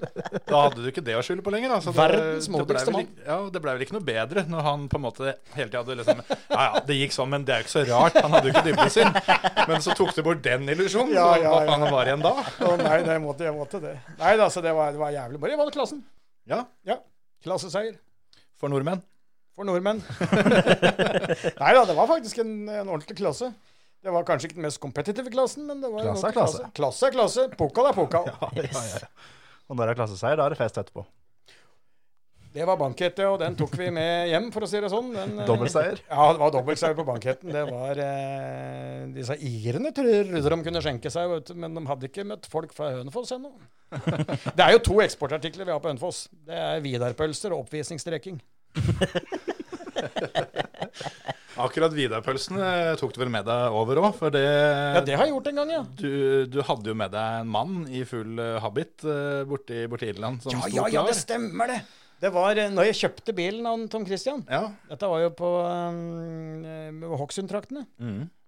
Og så eh, skal jeg hente denne bilen, da. Og ha litt gjennomgang og sånn. Og så står litt av teamet der, da. Og så står en eh, Det er vel ikke feil å si at den var relativt drug. Mm. Og noen tjukke briller og så vel ikke helt professoral ut, for å si det sånn. Og så spør jeg liksom, ja, hva kan du for noe? Nei, jeg er mekaniker, jeg er mekaniker. Så spør jeg han liksom, jeg et mest pølser, jeg, sa han. Og så sa jeg, ja, bare begynner du med fingeren da? Eller for han hadde jo noen knakkvisjer til fingre. Så, og så, og så jeg, ja, du kan få være, med, men du skal én jobb, du skal servere Vidar-pølser. Ja, ja, ja. Så han fløy vi over til Irland med sånn der pølsegreie som han gikk med over skuldra, sånn der og foran, da, vet du. Så- sånn som kommer på ja, fotballkampen. ja. Det er kostelig. Han blir, han blir filma idet han står og venter på service der. Var det ketsjup på høyre eller ketsjup på venstre? Ketchup. Venstre ketsjup Nei, høyre ketsjup. Så han, var, han jobba, han. Ja. Han hadde full kontroll. Vidar-pølsene må opp og fram. Det er, eh, ja, som sagt, det er to ting. Og så er vi jo eh, Vi blir jo også brukt en del på Hønefoss som drikkeharer, da. Under, under brylluper og konfirmasjoner og sånne ting. Jeg har vært på ganske mange banketter på landsnaller i Birkelås. Ja. Og der er ofte, ofte bruker de fra Hønefoss liksom, til å sette av tempo. Ja. Og så har jeg fått tatt igjen dem og så gitt på videre derfra ut. Ja ja, det er hare. Men eh, den der Cosworthen, har hun enda? Jeg solgte den i fjor. Sånn i fjor, ja. Ja, jeg solgte den i fjor. Da hadde jeg hatt den eh, nede hos Kai Bakken og fått uh, hevdet det der fæle skramla og noe dy dyser og styring og fikk gjort litt med den. og jeg vil ikke si det var mint condition da heller, men eh, da fyra han i hvert fall godt. Og, og så eh, fikk vi henta litt mer av den. Men eh, altså, jeg, jeg, en dag i dag så mener jeg at det er jo noe av det morsomste du kan kjøre. En gammel Rally Cosworth med, med såpass turbolegg at du kan ringe hjem igjen og si at uh, Men nå må jeg legge på, for nå ga jeg gass akkurat, så det kan skje noe når som helst nå. Og det og, og du skal si Altså, når du kjører en Rally Cosworth på grus eh, så er det veldig sjelden at du har anledning til å sitte liksom med, med hamburgeren i standby i venstre og colaen mellom beina. Da har du begge hendene på kringla, altså. Ja. Ja, det er ikke noe ermen i kermen der når du Eh, Aldeles ikke. Men eh, hvis du hadde den helt i fjor eh, Det er jo noen år siden du var i Irland og, og Ja kjørte da. med den. Så Ja, jeg har jo kuska og kjørt litt, da. ja, men, det ble eh, litt medkjøring. Ja da, gjorde det. Gjorde det.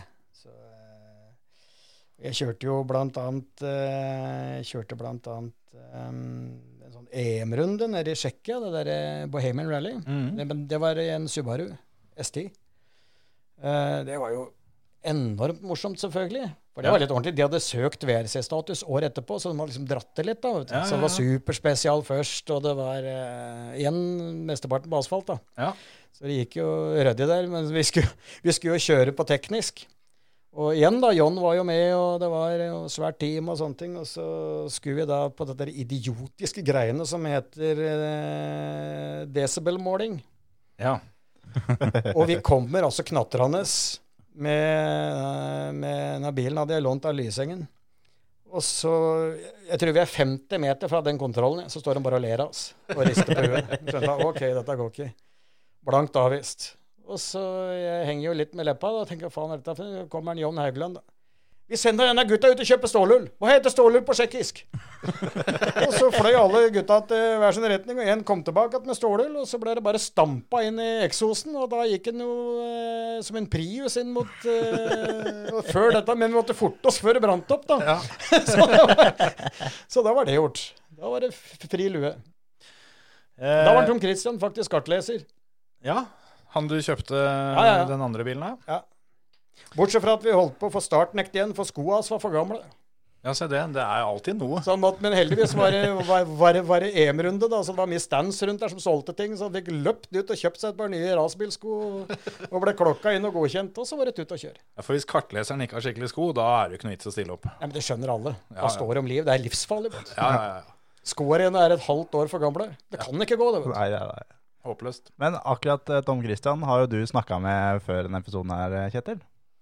Ja, eh, jeg hadde tenkt å ikke avsløre hvem det var, fordi han var litt sånn eh, tilbakeholden med om han ville fortelle denne historien. For jeg spurte han om han hadde noe, eh, hadde noe artig vi kunne prate om med deg, da. Og da er vi jo, nå er vi jo allerede i Tsjekkia. Da tror jeg Ja. Nils skjønner hva som kommer. Ja, så skal vi en tur ut på SS1 der, og dere legger i veien. Hva er det som skjer eh, innpå den prøva? Kan du begynne med det? Det skjer ingenting. Nei. Uh, alt hver som Men hvis han på noe som helst vis har forsøkt å legge den på meg For er det én jobb du har som kartleser, så er det da vel for i hvert fall faen å lese etter helvetes kartet, og kanskje gi en note eller to. Ja. Og når det da presterer på et såpass lite krevende område som en kjent rallycrossbane, å skrike to høyre når det er to venstre Og det var sånn det var Tom Christian Lien hvis du forsøker å snike deg unna. Nå var det, faktisk alle turistbusser inne. nå var det faktisk ikke den historien han skulle fram til engang. For det, det var vel en Clio som eh, var inne på den etappa og kjørte òg, kan det stemme? Som du måtte slippe forbi og noe greier. Ja, dette husker faen ikke jeg engang. Nei, altså når det kom til mål, da, etter at du, du hadde sluppet forbi denne Litt motvillig, fikk jeg høre. Ja. Så, så kom dere til mål, da. Der sto denne, denne Clioen og venta. Og du husker ikke hva som gikk ut av den bilen? Det var Ja, nå så det ut som det kanskje gikk opp for deg. nei, nei, nei. Vi hadde kjørt feil. Og da var de slapp forbi. Og de var såpass fine, de to jentene. Og som den gentlemanen jeg er, så lot jeg dem passere. Fordi vi hadde allerede, på grunn av Tom Christian Lien fra Hokksund, kjørt feil. Ja, for han, eh, han var litt sånn betenkt skjønner du, med om, eh, om jeg skulle få denne, denne storyen, for du hadde gitt ettertrykkelig beskjed om at dette greiene her, det prater vi aldri om. Jeg forsøkte å beskytte den, Tom. Jeg, jeg forsøkte å beskytte den, Tom. Ja, ja, Fordi han kunne jo komme til å fortelle dette sjøl, at han hadde gjort den stygge bommerten. ikke sant. Og si at dette må du ikke fortelle om. det skal ikke jeg. Så det var egentlig grunnen, da. Ja, ja. Nei, men det mm, kan skje den beste, det. Vi kom da nesten i mål, i hvert fall. Ja, det er han. Ja. Ja, da er det solgt Cosworthen, og vi har jo eh, For det, de fikk jo det spørsmålet der av Morten Hagen. Han lurte på hvor, eh, hvor Cosworthen ble, og hvor eh, denne Bilcross Masha ble. Hva skjedde med den?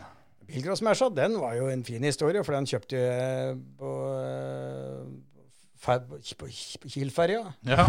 Spilte den jo til meg i poker.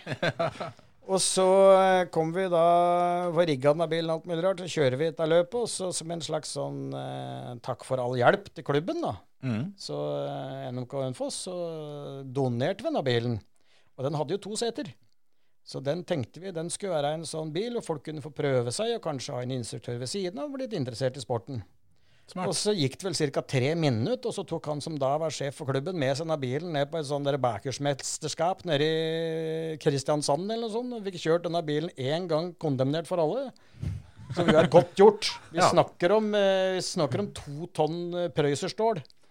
Så, så det var endelig det der, så vidt meg bekjent. ja så det, men det var en god tanke, da. Det var en god tanke, og så var det elendig gjennomføring i andre enden. Men han tror de jakter på ennå. Han, han, han lever under sånn der witness protection et eller annet sted. Et annet sted i Ådalen. ja, ikke sant? Vi har også fått et annet spørsmål. Eh, hvor lang tid tar det før ei flaske med whisky slår inn? Det veit jeg ikke, men jeg veit hvor mye to tredjedels flaske tar. Ja, Det, han, jeg regner med han sikter til en liten episode som vi hadde oppå Orkenøyene. I Kirkwall, hovedstaden der. Der lager de i Highland Park eh, singelmalt. Ja. Eh, og så hadde vi fått en omvisning på, på destilleriet der, og dette var på lørdag ettermiddag, så destilleriet var egentlig stengt for gjester og alle sånne ting. Men han formannen der, han tenkte at ja, vi får ta med seg gutta, de har kamera og alt mulig. Så vi gikk gjennom alle stega, da. Det der killning og the milning og hva faen det ikke var for noe. ting, Og så Siste del da, av, av, av prosessen var da the tasting. Og så på TV så hører du da 'Himmel full av stjerner'. Og så napper jeg korken av der, og så er det bare ett drag, egentlig. Så går det to tredjedeler med, med helflaske med 20 år gammel Highland Park ned på den siste tredjedelen, den fikk jeg ikke i meg. Og så uh, tar jeg henne for flaska, og så spør han Ronny bak kamera åssen var den. da?" sier han. Nei, jeg var god på smak, sier. Og så var det det folk fikk se på TV, men det de ikke fikk se, var at vi, vi hadde jo da Dette var i 1998, så vi hadde fått låne av Jaguar-fabrikken den nye XK-en, som da var helt splitter ny, og ingen hadde sett den før. Ja. Og så var det bare jeg som fikk lov å kjøre den. Eh, og så var hotellet var sånn 600-700 meter borti gata, og jeg er utdanna kjemiker.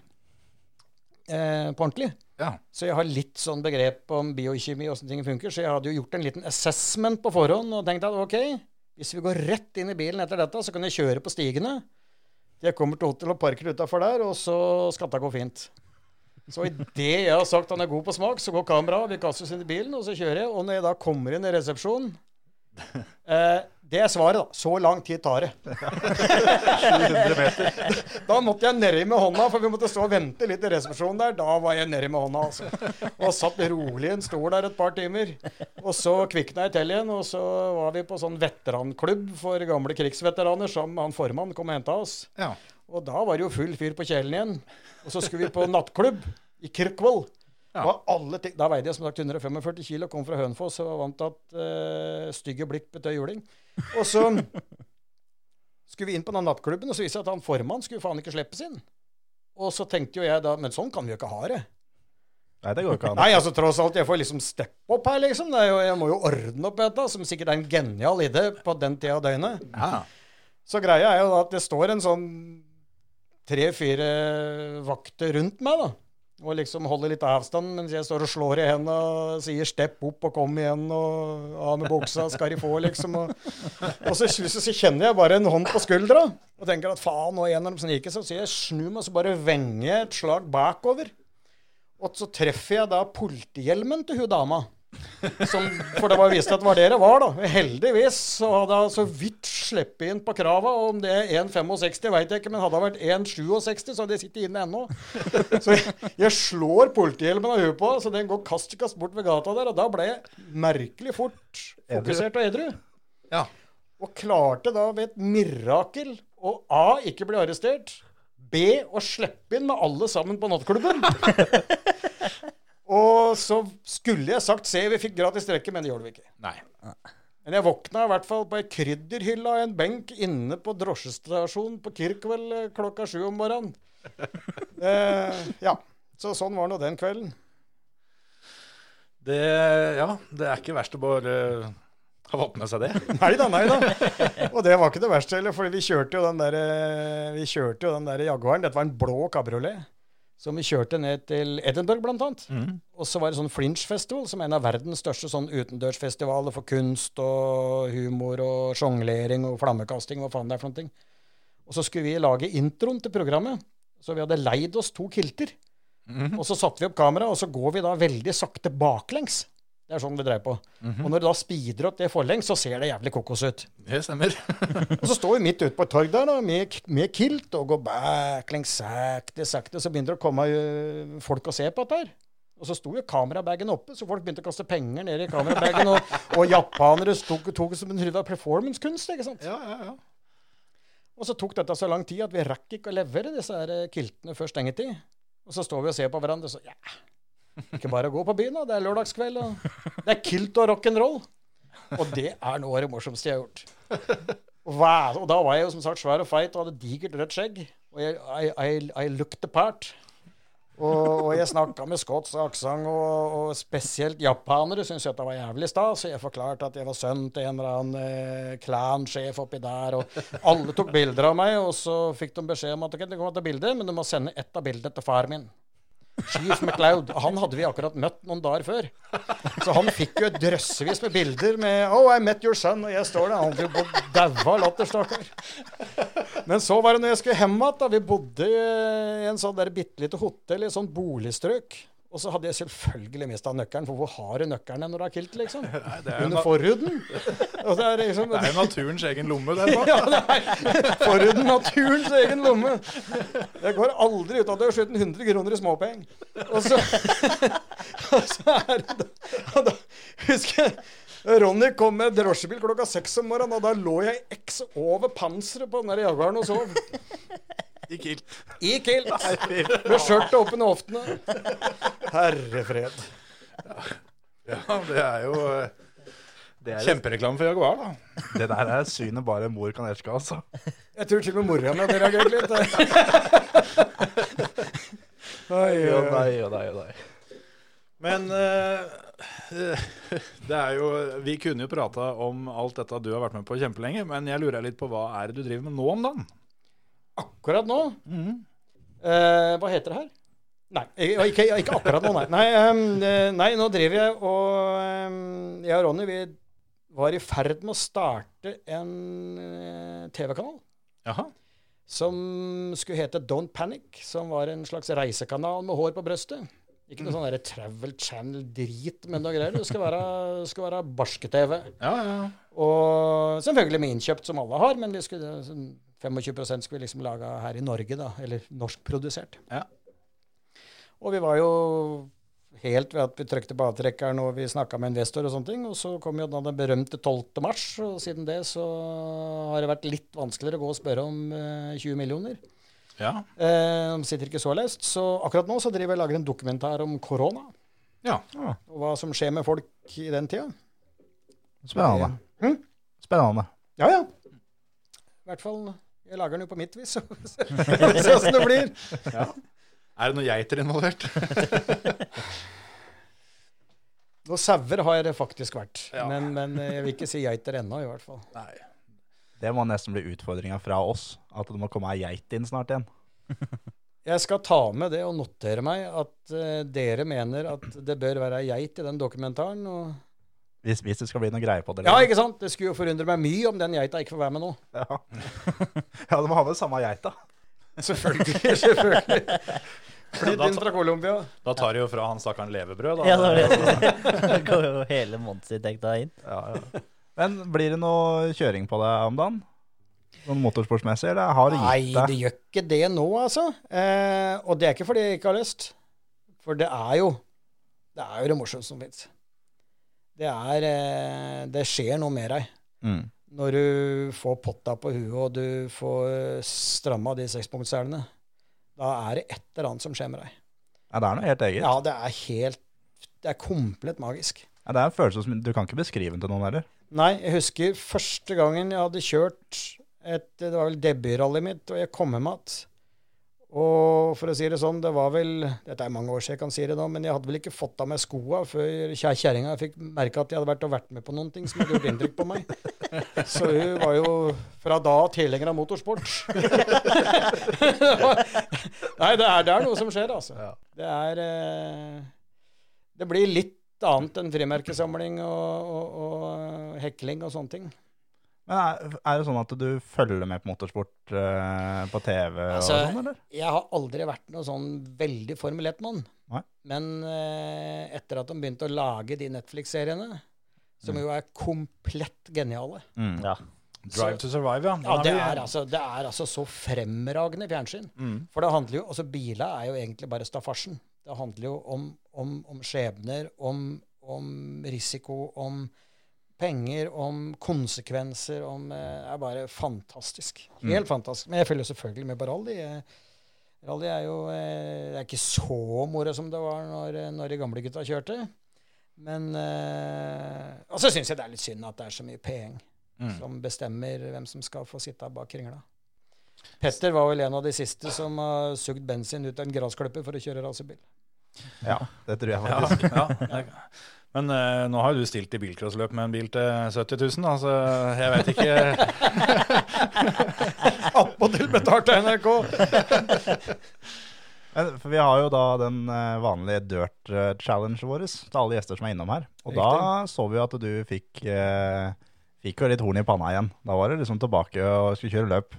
Det var vel først og fremst det at jeg eh, syntes det var gøy å prøve noen ting jeg bare har sett andre gjøre. Mm.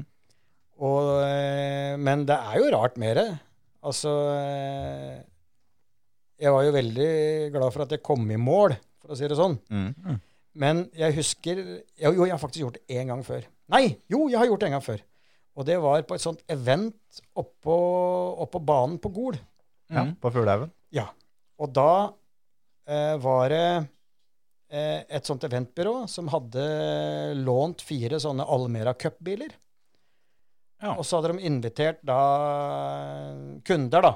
Som, som leda Som var innkjøpere av sånne eventer og sånne ting. Og det var, det var 50 mannfolk, rett og slett. Og for å varme opp, da, kvelden før, så hadde de satt opp en sånn Men dette er altså det er 20 år sia Mm. aller første sånne bilspilla, da. Og gutta hadde jo kjørt dette før mange, liksom, og kjørte jo som faen når jeg skulle prøve. Og jeg kom jo nesten ikke av flekken, ikke sant. Så jeg husker jeg tenkte at fy faen, dette Og da hadde jeg ikke kjørt noe racerbil før, liksom, på ordentlig. Jeg hadde bare kjørt gris på veien.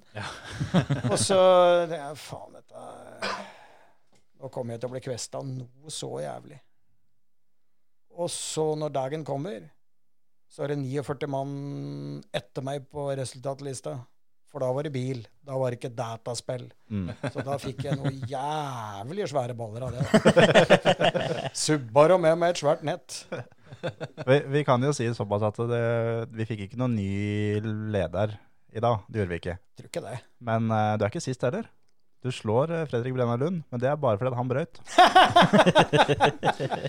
Hva hadde John Haugland eh, sagt til den kjøringa di da, tror du? Han har sagt uh, Nils, du får fortsette med TV. Det er det du kan. Du, du sitter helt feil. Ja, ja, du sitter helt feil. Det viktigste er at jeg har det moro. Ikke å komme først i mål, vet du. Ikke å komme først i mål, vet du, Nils. Til Bare ditt, ha det moro. til ditt forsvar så har jo du, eh, i hvert fall på TV, stort sett kjørt asfaltløp. Og dette her var på grus, så det var derfor. Vi, eh, vi får si det sånn, tror jeg. Vi bare konsentrerer kon- Vi bare konstaterer at sånn er det. Ja. Og så skal det sies da på fra trenings, første treningsrunde til eh, tida ble satt, så kjørte han i to minutter. Så det var framgang her. Hadde du eh, fått lov til å sitte her resten av kvelden, så hadde den sittet. Det er bare et enkelt regnestykke. Det er to runder til, så hadde jeg vært nede på to minutter. Ja, ja, ja. Og hadde jeg fått den tredje, så hadde jeg vært i mål før jeg hadde starta. Det er akkurat det. Enkel, men, en, enkel, enkel Ja, det sier seg sjøl, det. Kjemikeren har svart. Ja, men altså, du, du har jo både hatt mye bra biler, du har kjørt mye kule biler. Eh, Å, ja. Men eh, hva, hva er din drømmebil? Det er en eh, Den originale Råte Sau. Ok. Eh, Der, der så jeg på Emil at det visste han ikke hva var. Nei, det, det var nytt. Det Jeg skulle er, få eh, deg til å utdype her. Utgangspunktet var en Mercedes 300 SL 6,3. som eh, AMG, som den gangen eh, stort sett holdt til i ei brakke eh, på landsbygda, tok utgangspunkt i. Og eh, de lagde den vel til en 6,5 liter, tror jeg. Bredde han. Eh, satt den i løp på spa, tror jeg var første løpet han gikk. Mm. Og det er klart at det var jo ikke bremser i verden som kunne holde dette, men jeg skal love deg, det kvesta ting på, på, på langstreker og sånn. En fantastisk gæren og vill bil som jeg har to stykker av på pulten min i 1 til 18. Okay. Og jeg har hatt en eh, grau blad metallic eh, 306,3 med registreringsnummer F363. Eh, verdens raskeste bil med fire dører i 1970. Det er jo et slagskip. Men jeg skal love deg det, når jeg lå på Drammensveien når det kom fislende en eller annen frisørfaen eh, i en eller annen TT eller noe sånt. der Miata-greier oppå sida her. Ellen Prius. Og det slags og, og, Ja, ikke sant? Den gangen var det heldigvis ikke laga ennå. Eh, og du, og du banka ned bønn på seksteren. Altså. Fantastisk. Det var eh, enorm bil. Men den originale De lagde vel tre stykker av dem. Alle er borte nå. Den ene gikk som eh, skumbil på, på, eh, flyplassen i Berlin, tror jeg. Den, det er den første. Den andre ble kjøpt av Dassault, som bygger jagerfly i Frankrike. Hvor de bygde inn et landingshjul i midten av bilen for å simulere landingshastigheter og sånne ting. Da hadde de selvfølgelig hjulopphenget høyt oppe, og så falt da det hjulet ned i en sjakt midt i bilen. Eh, og den tredje er ingen som veit hva skjedde med, eller hvor det har blitt. Altså alle tre bilene er unaccounted for. Men når du kommer inn i resepsjon hos AMG i Tyskland, så er det den som står der. En replika av en, eh, en rød Rote Sau. Den røde purka. Hadde jeg hatt den, så hadde jeg vært en lykkelig mann. Men det er så mye gromt der ute at det er nesten vanskelig. Men det er nok, det er nok den jeg er tettest knytta til. Ja, og tenker at det, jeg har alltid hatt lyst til å lage en dokumentarfilm, gjerne en dokumentarserie, hvor vi jakter på hva skjedde med de tre bilene. Samtidig fortelle historien om AMG fra starten. Samtidig som vi bygger en replika sammen med AMG. Og så steller vi opp i et 24-timersløp med Rowan Atkinson og, og, og, og danskeprinsen og J. Og så går dette sammen i en saus av et TV-program som er eh, Det er bingo, det er, eh, det er fyll, det er sigaretter, det er toppløse kvinner. Nei da. Ja, jeg hadde sett på. Ja, jeg hadde, sett- jeg hadde vært på sett på. Jeg er den eneste som ikke hadde turt å se på, sannsynligvis. Men, eh, Men nå, sånn som situasjonen er nå da, med koronasituasjonen, så er det ikke så lett å få reist på utenlandsferie i år. Nei. Da er det norgesferie som gjelder. det er det. Um, og for min del, altså, jeg lurer på om det er noen tips til det beste stedet å kjøre. Altså ikke det beste stedet å være, men uh, den beste veien hvis du skal på feriested i Norge. Det kommer nok veldig an på hva du kjører, og åssen du har tenkt å kjøre den. Men Ja, Eh, fort, ja. En av de grommeste opplevelsene jeg har hatt i den senere tid, er dattera mi. Hun gikk på folkehøgskolen oppe i Sandane, ute på Vestlandet. Og så eh, hadde jeg kjørt henne opp, og jeg og kona mi og alle saker og ting. Og så kjente jeg det klødde noe jævlig et par-tre uker etterpå. Og så kom jeg på, da, at hun trengte jo kanskje en litt annen såpe også. Det var klart kona mi, så jeg kan bare svippe opp med den, jeg. Ja, ja. Og så kjenner jeg disse gutta inne på Beven Norge, og så sier jeg du skal ut en liten tur, og så uh, har du noe Ja, hun hadde en M3 Competition, da. Ja. Ja, det hadde passa fint, seg. Og la ei fluestang baki og kom til Hemsedalsfjellet. Og da er det sånn at jeg tenker at da kan det være samme faen, egentlig. Så blir du tatt, liksom. Det bare å Og kjører da til Sandane. Um, så bor jeg på hotell der, treffer han hotelldirektøren. Han er litt bilgæren og fiskegæren samtidig. Så får han en telefon fra en fyr som sier at han kan komme og fiske i elva. Så han kunne ikke, han spør kan han Nils få lov å komme. Ja, han får komme. Og så var det da å kjøre fra Sandane, også på en eller annen riksvei jeg ikke husker navnet på. Det tok sånn to timer. Men jeg trodde vi hadde dårlige veier på indre Østland. Men altså, dette var så gæren vei. Og det var altså, og den der M3 Competition den er satt opp så hardt. Og det går så fort ut av svinga. Og det går så fort inn i svinga. Og du hadde tilbud omtrent i hver tredje sving, hadde jeg inntrykk av. Altså, jeg var så svett og harehjert, men jeg klarte ikke å begrense meg sjøl. Det er klart, jeg, jeg utforska sikkert 40% av hva den bilen var god for. Mm. Men de veiene var bare fullstendig magiske. De gikk fra Sandane, og så kommer du ut i krysset der det står midt mellom Førde og Florø. Ja. Jeg anbefaler at skal du kjøre den med en M3 Competition neste gang, så sørg for at det står ei vakt i hver ende. For der skal du ikke møte melkeruta. Altså, da er det, da er det sannsynligvis det siste du gjør. Men du, du har det gøy fram til det, da. Det er en fin måte å gå på. Du vet du hva? Jeg har alltid hatt Det er to måter jeg kan tenke meg å gå på. Det ene er i 300 km pluss et eller annet sted. Og da fortrinnsvis ikke inn i annen trafikk, men i en eller annen fjellvegg. Eller å bli skutt av politi mens jeg er naken, men jeg har på meg hvite cowboystøvler og veiver rundt med et samuraisverd. Ja, men det er jo det er sånn alle har det. Jeg har alltid bare tenkt på det som en, som en, som en, som en ganske sannsynlig måte at jeg kommer til å gå på, liksom. Ja, ja, ja. Eh, Naken i hvite damecowboystøvler med et samuraisverd og skutt av politi. 50 skudd i brøstet. Da tror jeg det kommer på VG, jeg, altså. I hvert fall støvla. ja, nei, altså hvis du etter den biljakta som eh, antageligvis kommer først, ikke, ikke får kjørt deg i hjel, så er det bare å finne fram sverdet og begynne å veive. Helt riktig.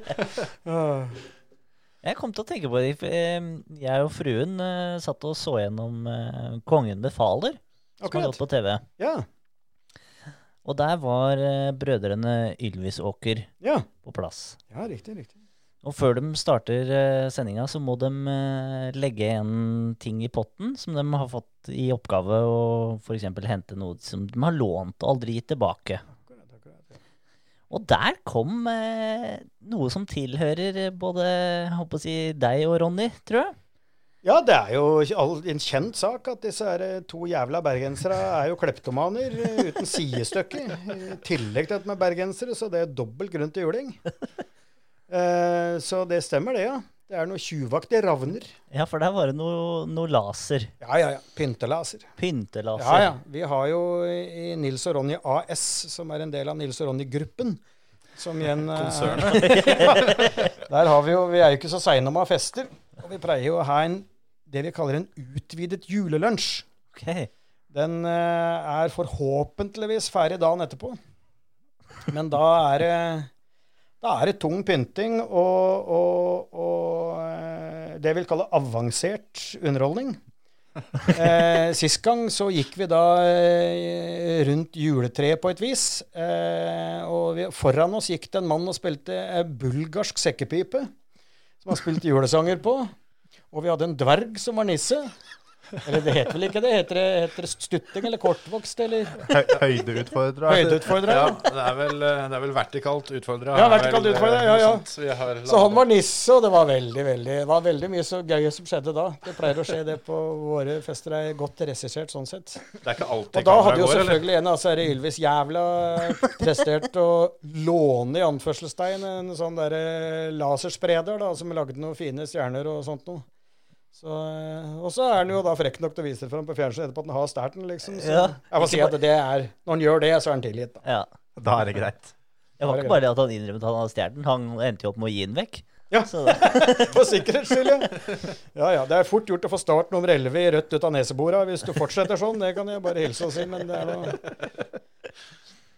Hvilken, eh, apropos de festene dere har, eh, hvilken eh, norsk person er det du skulle ønske skulle vært med på en sånn fest, som ikke har vært det ennå? Drømmegjesten, på en måte. På fest Annet enn kong Harald, da. Jeg er litt usikker på om vi da hadde fått et tronskifte etterpå. For det, det kunne ha blitt litt heftig. Jeg veit jo hva, hvem skulle vært med på det, eh, som det var litt tak i. For Geir Skau har jo vært med noen ganger. Selvfølgelig så har han Ja, det. ja, ja, ja, ja. Vi hadde til og med den første Nils og Ronny-festen i garasjen på verkstedet til Geir Skau. Det er en så lang historie at det kan vi ha en egen podkast om den festen, alt som skjedde på den. En dag i dag på NRK, 22 år etterpå, så, så snakkes det om den festen. Og NRK er delt i to. De som turte å dra, og de som ikke turte å dra. Og de som dro og tenkte at dette skulle jeg aldri gjort. Så det ble klemt til, ja. Det her høres ut som festa for oss, altså. Nei, det, det har jeg ikke noe Det har jeg det er, eh, Jeg kommer ikke på noen eh, som er kjent i allmennheten, som jeg tenker er eh, fordi når alt kommer til alt, så er jo de fleste som du ser på TV, er jo sengevetere. Ja. eh, og de bukker jo under for ei flaske brennevin. Så er de nede i knestående, og det er kasthopping og grining og eh, Så eh, da må jeg nok gå i lokale rekker hjemme. Og det, det blir litt internt. Er det fortsatt sånn i Hønefoss at uh, feiteste mann får bestestolen? Eh, da skal du litt lenger opp i Ådalen, hvor det er innveiing. Ja. Eh, og dette er ikke kødd. Det, da, da er det, og de bygger jo en egen trone. Oppi, en av disse kompisene mine oppe i Ådalen hadde jo det at da hadde de bygd et slags sånn reppo inni stua. Og så fikk du plassering etter fedme. Eh, ikke BMI, men fedme, rett og slett. Altså, det var, eh, for det kunne jo være spre ja, ja. sprek og tung, liksom. Men det var eh, Så feiteste mann satt da i en slags tronstol og blei varta opp hele tida. Og så var det da, når de skulle på byen etterpå, da, så er det en lang taxitur ned til Hønefoss. Og da var det jo selvfølgelig første taxien, det var jo det feiteste. Og en gang så var, så var det en eller annen mikromiddag som hadde sniket seg usett med, og ble hevda i Øyengata. Når de oppdaga han, han var så liten at han satt mellom to svære feitinger, og så bare øra på han. Men eh, jeg har et spørsmål som jeg tenkte tenkt litt på. Da det er litt mer inn på det litt mer seriøse. For eh, i Hønefoss så er det jo en gokartbane på Eggemoen. Ja. Der er det sånn nå at eh, de aktive utøverne får ikke lov til å kjøre. Hva syns du om det som er fra Hønefoss? Sanseløst meningsløst. For det var jo egentlig en veldig veldig, veldig bra bane. Ja, ja, ja. Men Både det er jeg helt typisk. Både jeg og Emil har jo kjørt mye der som aktive. Ja, er helt typisk. Det er eh, Så lenge unger får holde på med fingermaling og spille fiolin og eh, eh, dans og sprell og teater og hva nå faen det ikke er for noen ting, så er det ikke grenser, liksom. Men eh, de aller fleste som sitter og bestemmer ting, har ikke noe forhold til motorsport. Det, de har ikke De ser ikke vitsen med det. Og så har det jo også blitt sånn, da, det er selvfølgelig etter at vi har fått et litt sånn nytt politisk landskap, at uh, det er jo også det verste du kan drive med. Mm. Blant annet for miljøet, da, selvfølgelig. Ja, selvfølgelig. Og du kan jo tenke deg hva som skjer hvis du får lov å kjøre en, eh, noen gokartrunder oppå der. Da Ja, går jo verden mer eller mindre under. Ja, ja, ja. Og det er eh, egentlig et svar på det, og det er å gå inn i skauen en vårdag eh, med ei lita øks, og så får du Finner du en sånn rogn som det er litt god sevje i, og så får du laga deg en påk av den, for den er akkurat passelig fjæringen sånn tidlig på våren. Og så går du inn til de som bestemmer, og så har du da Den går som ei vindmølle, den rognapåken. Når du slår huet mjukt på de der pappskallene som sitter og kan bestemme noe så sanseløst dumt. Da skal det ikke være et helt bein igjen i huet på dem. Det sitter som ei kokkelue som, er, som har tatt lufta ut og nede ved panna på dem. Ja, nei, det er jo Det er det jeg tenker, da. Men det, Men det her høres ut som en eh, dokumentar som burde vært lagd. Her må du bare på jobb med en gang. Ja, nei, men det er, det er veldig ja, Vi syns det, det blir veldig kjedelig når alle skal bare argumentere att og fram, liksom. At det ikke kommer en voksen inn i lokalet og banker rognapåken i bordet og sier at uh, ett ord til nå, så blir det fysisk. Noen må ta ansvar snart. Ikke et sete er tørt. Ja, du, du, har vel, du har vel prøvd deg litt i politikken sjøl, har du ikke det? Jo da. Eh, Så ble det, ble det brå slutten? Jeg holdt på å si med vekslende hell, men det Jeg satt jo i kommunestyret i Hole, og vi satt jo i flertallsparti. Ja, Det da, vil si at da driver du ikke politikk, du bare bestemmer. du, det var dere som hadde påken, for å si det sånn. Visst hadde vi det. Og jeg, jeg kan ikke tenke meg noe mer sanseløst kjedelig og unødvendig enn å sitte i opposisjon. Da sitter du der og piper og 'ja, men det burde være sånn og sånn'. Og kjeften på deg, og det er liksom, for det er liksom, da sitter vi og bestemmer. Alt vi trenger å gjøre, er at eh, jeg tar en telefon til to andre. Sier, vi gjør det sånn, ved. Ja, ja, vi gjør det sånn. Og så er det alltid noen som bestemmer, sjøl i ei sånn gruppe. ikke sant? De andre følger jo litt etter. Og hvis tre stykker er enige da, som har litt eh, pondus, og som pleier å bli hørt, så er det i prinsippet tre stykker som styrer en hel kommune. Det er helt fantastisk. Akkurat sånn det skal være. Egentlig skulle det bare vært én. Jeg tror av og til at jeg hadde den muligheten. Eh, men men eh, det er klart det der demokratigreiene er spilt fallitt for lengst. Liksom. Se åssen vi driver. da. Vi legger ned gokartbaner. Der skjer det demokrati. Mm. Men det er bare Hønefoss foreløpig, da. Ja, ja, ja. Men det sprer seg. vet du. Ja. To Oslo. ja. Der er det ikke en bane Det er ikke nok rognetrær i Norge for å overta politikken i Oslo, for å si det sånn. Da er ikke, jeg er ikke rogn igjen i Norge når jeg er ferdig med å argumentere politisk i Oslo bystyre. Jeg gleder meg til den dagen jeg ser den avisoverskrifta. Det her begynner å bli tom for rogntrær. Og jeg bare tenker på deg. Da veit du hva som er i emning. Ja. Da skjer det noe snart. Jeg vet hvem jeg skal sende i, i årsmøtet i borettslaget, i hvert fall. Ja, Nils. Men nå har jeg lært deg de politiske forhandlingsknepene. Nå kan du egentlig bare ta med deg øksa og ordne dette sjøl. Du er jo sønn av han tømmerhogger, så det her Ja, ja, ja. Altså, det var veldig morsomt at det, var, at det ble brukt påk, for det Jeg holdt på å si mormora mi brukte påk. for å få fram poeng. Akkurat. Det kan du se. Du har jo, eh, du har jo vært utfor ganske mye rart når du har vært på tur, men har eh, holdt på å si, er det noen som har brukt påken? Har, du, eh, har du fått juling en gang? Eh, jeg har ikke fått juling ute, men jeg har gitt juling. Ja, Ja, ja. Eh, men i men, det er vel så moro, det, altså. Akkurat da så var det ikke så gledesfylt som det ofte er. Um, for det var egentlig bare Da var det Det var sånn det måtte bli, liksom. Ja. Vi hadde fått forvilla oss over grensa til en eller annen forferdelig gangsterby nede i Texas. Eh, vi var i en by som het Eagle Pass, der de filma sluttscenene i No Country for Old Men. Mm.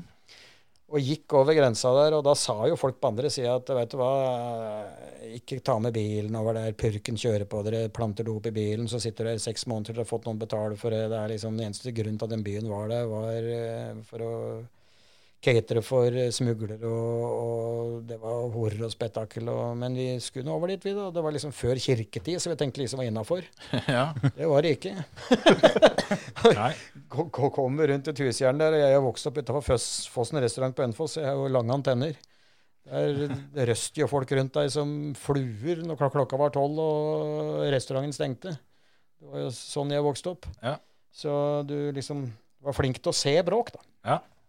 Eh, så legger jeg merke til, for jeg ser sånt, så ser jeg tre unge karer som er veldig nysgjerrige på oss, da. Og så, okay, så registrerer jeg det, og så går det et minutt, og plutselig kommer de mot oss. Og den eneste muligheten de har fått til det, er at de har løpt. Nå skal ikke jeg si noe generelt om meksikanere, men hvis de først gidder å løpe, så er det gjerne for at det er noe alvor. Mm. Dette er ikke noe de gjør i fritida, for å si det sånn. Så jeg så jo på hele kroppsspråket, de kikka seg ved skuldra, og den ene fiksa på en sigarett, og var tydelig at de skulle spørre om fyr, ikke sant. Og så sier jeg til Ronny at eh, nå skjer det, si. Og da hadde vi med oss kamerasekken med sikkert 30 timer opptak, for det turte vi ikke legge inn i bilen. Og er det én ting du aldri gir fra deg før du er dau, liksom, så er det opptakarene. Mm. For det kan bare ikke bli borte. Det er fantastiske opplevelser, det er det du har fått betalt for, det er liksom hele greia, liksom. Og det du, du kan ikke gjøre det. Så eh, heldigvis da, så er det jo dårlig kosthold i Mexico, så de var ikke større enn konfirmanter, noen av dem. Eh, Så han førstemann han står liksom og kommer opp med skal liksom eh, be om fyr, og så da får jeg god tid til å få sats på riktig foten, liksom. Og får sving på feitepoven og treffer den midt på nesa, så han har jo hæla som høyeste punkt. Så skriker jeg til Ronny som faen? Og han skal, skal jeg å lappe på han der andre mannen der, for han blei litt perpleks. Og så eh, registrerer jeg at Ronny driver med noe. Da driver han og har han tatt av seg kamerasekken. Han skal ha opp kamera og filme. Jeg mener, det er grenser for å være profesjonell, liksom, men også det, det er så typisk han. Men Det var jo bare tre, så dette fiksa du vel sjøl? Ja, ja, altså de to andre de fla- flaug, og vi i jegermarsj andre veien for å komme oss ut av byen. Vi hadde ikke noe, så ikke noe spesiell grunn til å henge rundt der. Nei, vente på Ja da, nei da, vi var raskt over brua, for å si det sånn. Men det er Kort sånn besøk i Pinedas Negras. Når du liksom har treffpunktet sånn en halvmeter bak i huet på han du slår, da er det først da det sm- smeller litt. Ja, ja. Og du hadde, jeg hadde liksom fem meter å spenne opp feitepoven på, liksom, så det Jeg gikk jo på boksinga i gamle der, så jeg visste at jeg skulle ha med hofta over svingen, liksom. Så det Endelig fikk du bruk for det. Ja, ja, endelig, ja. Og heldigvis på en som var såpass liten da, at det ikke skada lanken. Men apropos spjælete konfirmanter, eh, er det mye moped der bak låven? Jeg skjønner hvor du vil hen nå. Du har gjort researchen din, skjønner jeg. Nei, jeg var litt uheldig en gang. Jeg har jo to døtre. Og så på et radioprogram for mange år siden så, så ble jeg spurt om dette her. Men ja, du har jo fått to døtre, åssen er det? Og nei, åssen det er, sier jeg. Det skal jeg fortelle deg. At det er eh, Enn så lenge går det greit, men når disse blir tenåringer, så er det i hvert fall én ting jeg kan si allerede nå, liksom. At første 15-åringen som uh, står på trappa med olajakke med rullepakka i venstrelomma, han lurer på om er Pernille er hjemme. Han blir leid høflig nakken ned i garasjen, og så blir han støpt ned i garasjegulvet. Og når de graver ut der jeg bor om 1000 år, så finner de moped 15-åring, moped 15-åring. Ned til grunnvannet, liksom. Og sånn er det med den saken. Dette ryktet spredde seg jo litt, da, og så ble, levde dette litt i lokalsamfunnet. Så jentene mine er jo fortsatt single, da. Var de 21 og 23. Men da har du gjort jobben din. Ja, jeg opplever jo det. Og jeg er jo også en bevæpna mann, så det er, eh, og jeg er ikke redd for å vise at jeg har eh, et skytevåpen nedi pysjamasbuksa heller, når jeg står i helsetrøya og tar imot gutta. Så nå som de har blitt, eh, blitt litt eldre, så det de finner nå, er liksom 20-åring Prius, 20-åring Prius. Altså, jeg har jo fra de var eh, relativt eh, unge te- ten- ten- ten- ten- tenåringer sagt at det var å ta med venninne hjem, liksom. Og det er mye kjekkere det enn disse dumme gutta og, som lukter vondt og kviser og sånn. Og så jeg liksom oppfordrer dem til kanskje å finne en partner blant det andre samme kjønn, da. Det hadde vært mye hyggeligere enn å ha en rekende en eller annen pappskalle som flyger rundt og skal låne bilen din, og så plutselig brennevinskåpet tomt, og så skal han låne skytevåpnene dine, og så ja, Siger skjønn meg her og der, du. Det der er det vond sirkel. skal gå en altså. hard, men korrekt skole. Det der er en veldig vond sirkel. Det Er det, vet du. Jeg lurer på om vi skal takke for praten. Sjøl om dette her var fryktelig trivelig, så får vi vel kanskje Sier det er bra, det. Sier det er bra. Ja. Ta en liten titt på klokka. Takk for at du kom, og øh, kjør pent hjem. Det skal jeg. Så, så gleder vi oss til det blir Don't Panic på TV, og, og mer moro fra dere. Har en fryd og en glede å være i Vestfold. Ha det bra! Ha det. Ha det.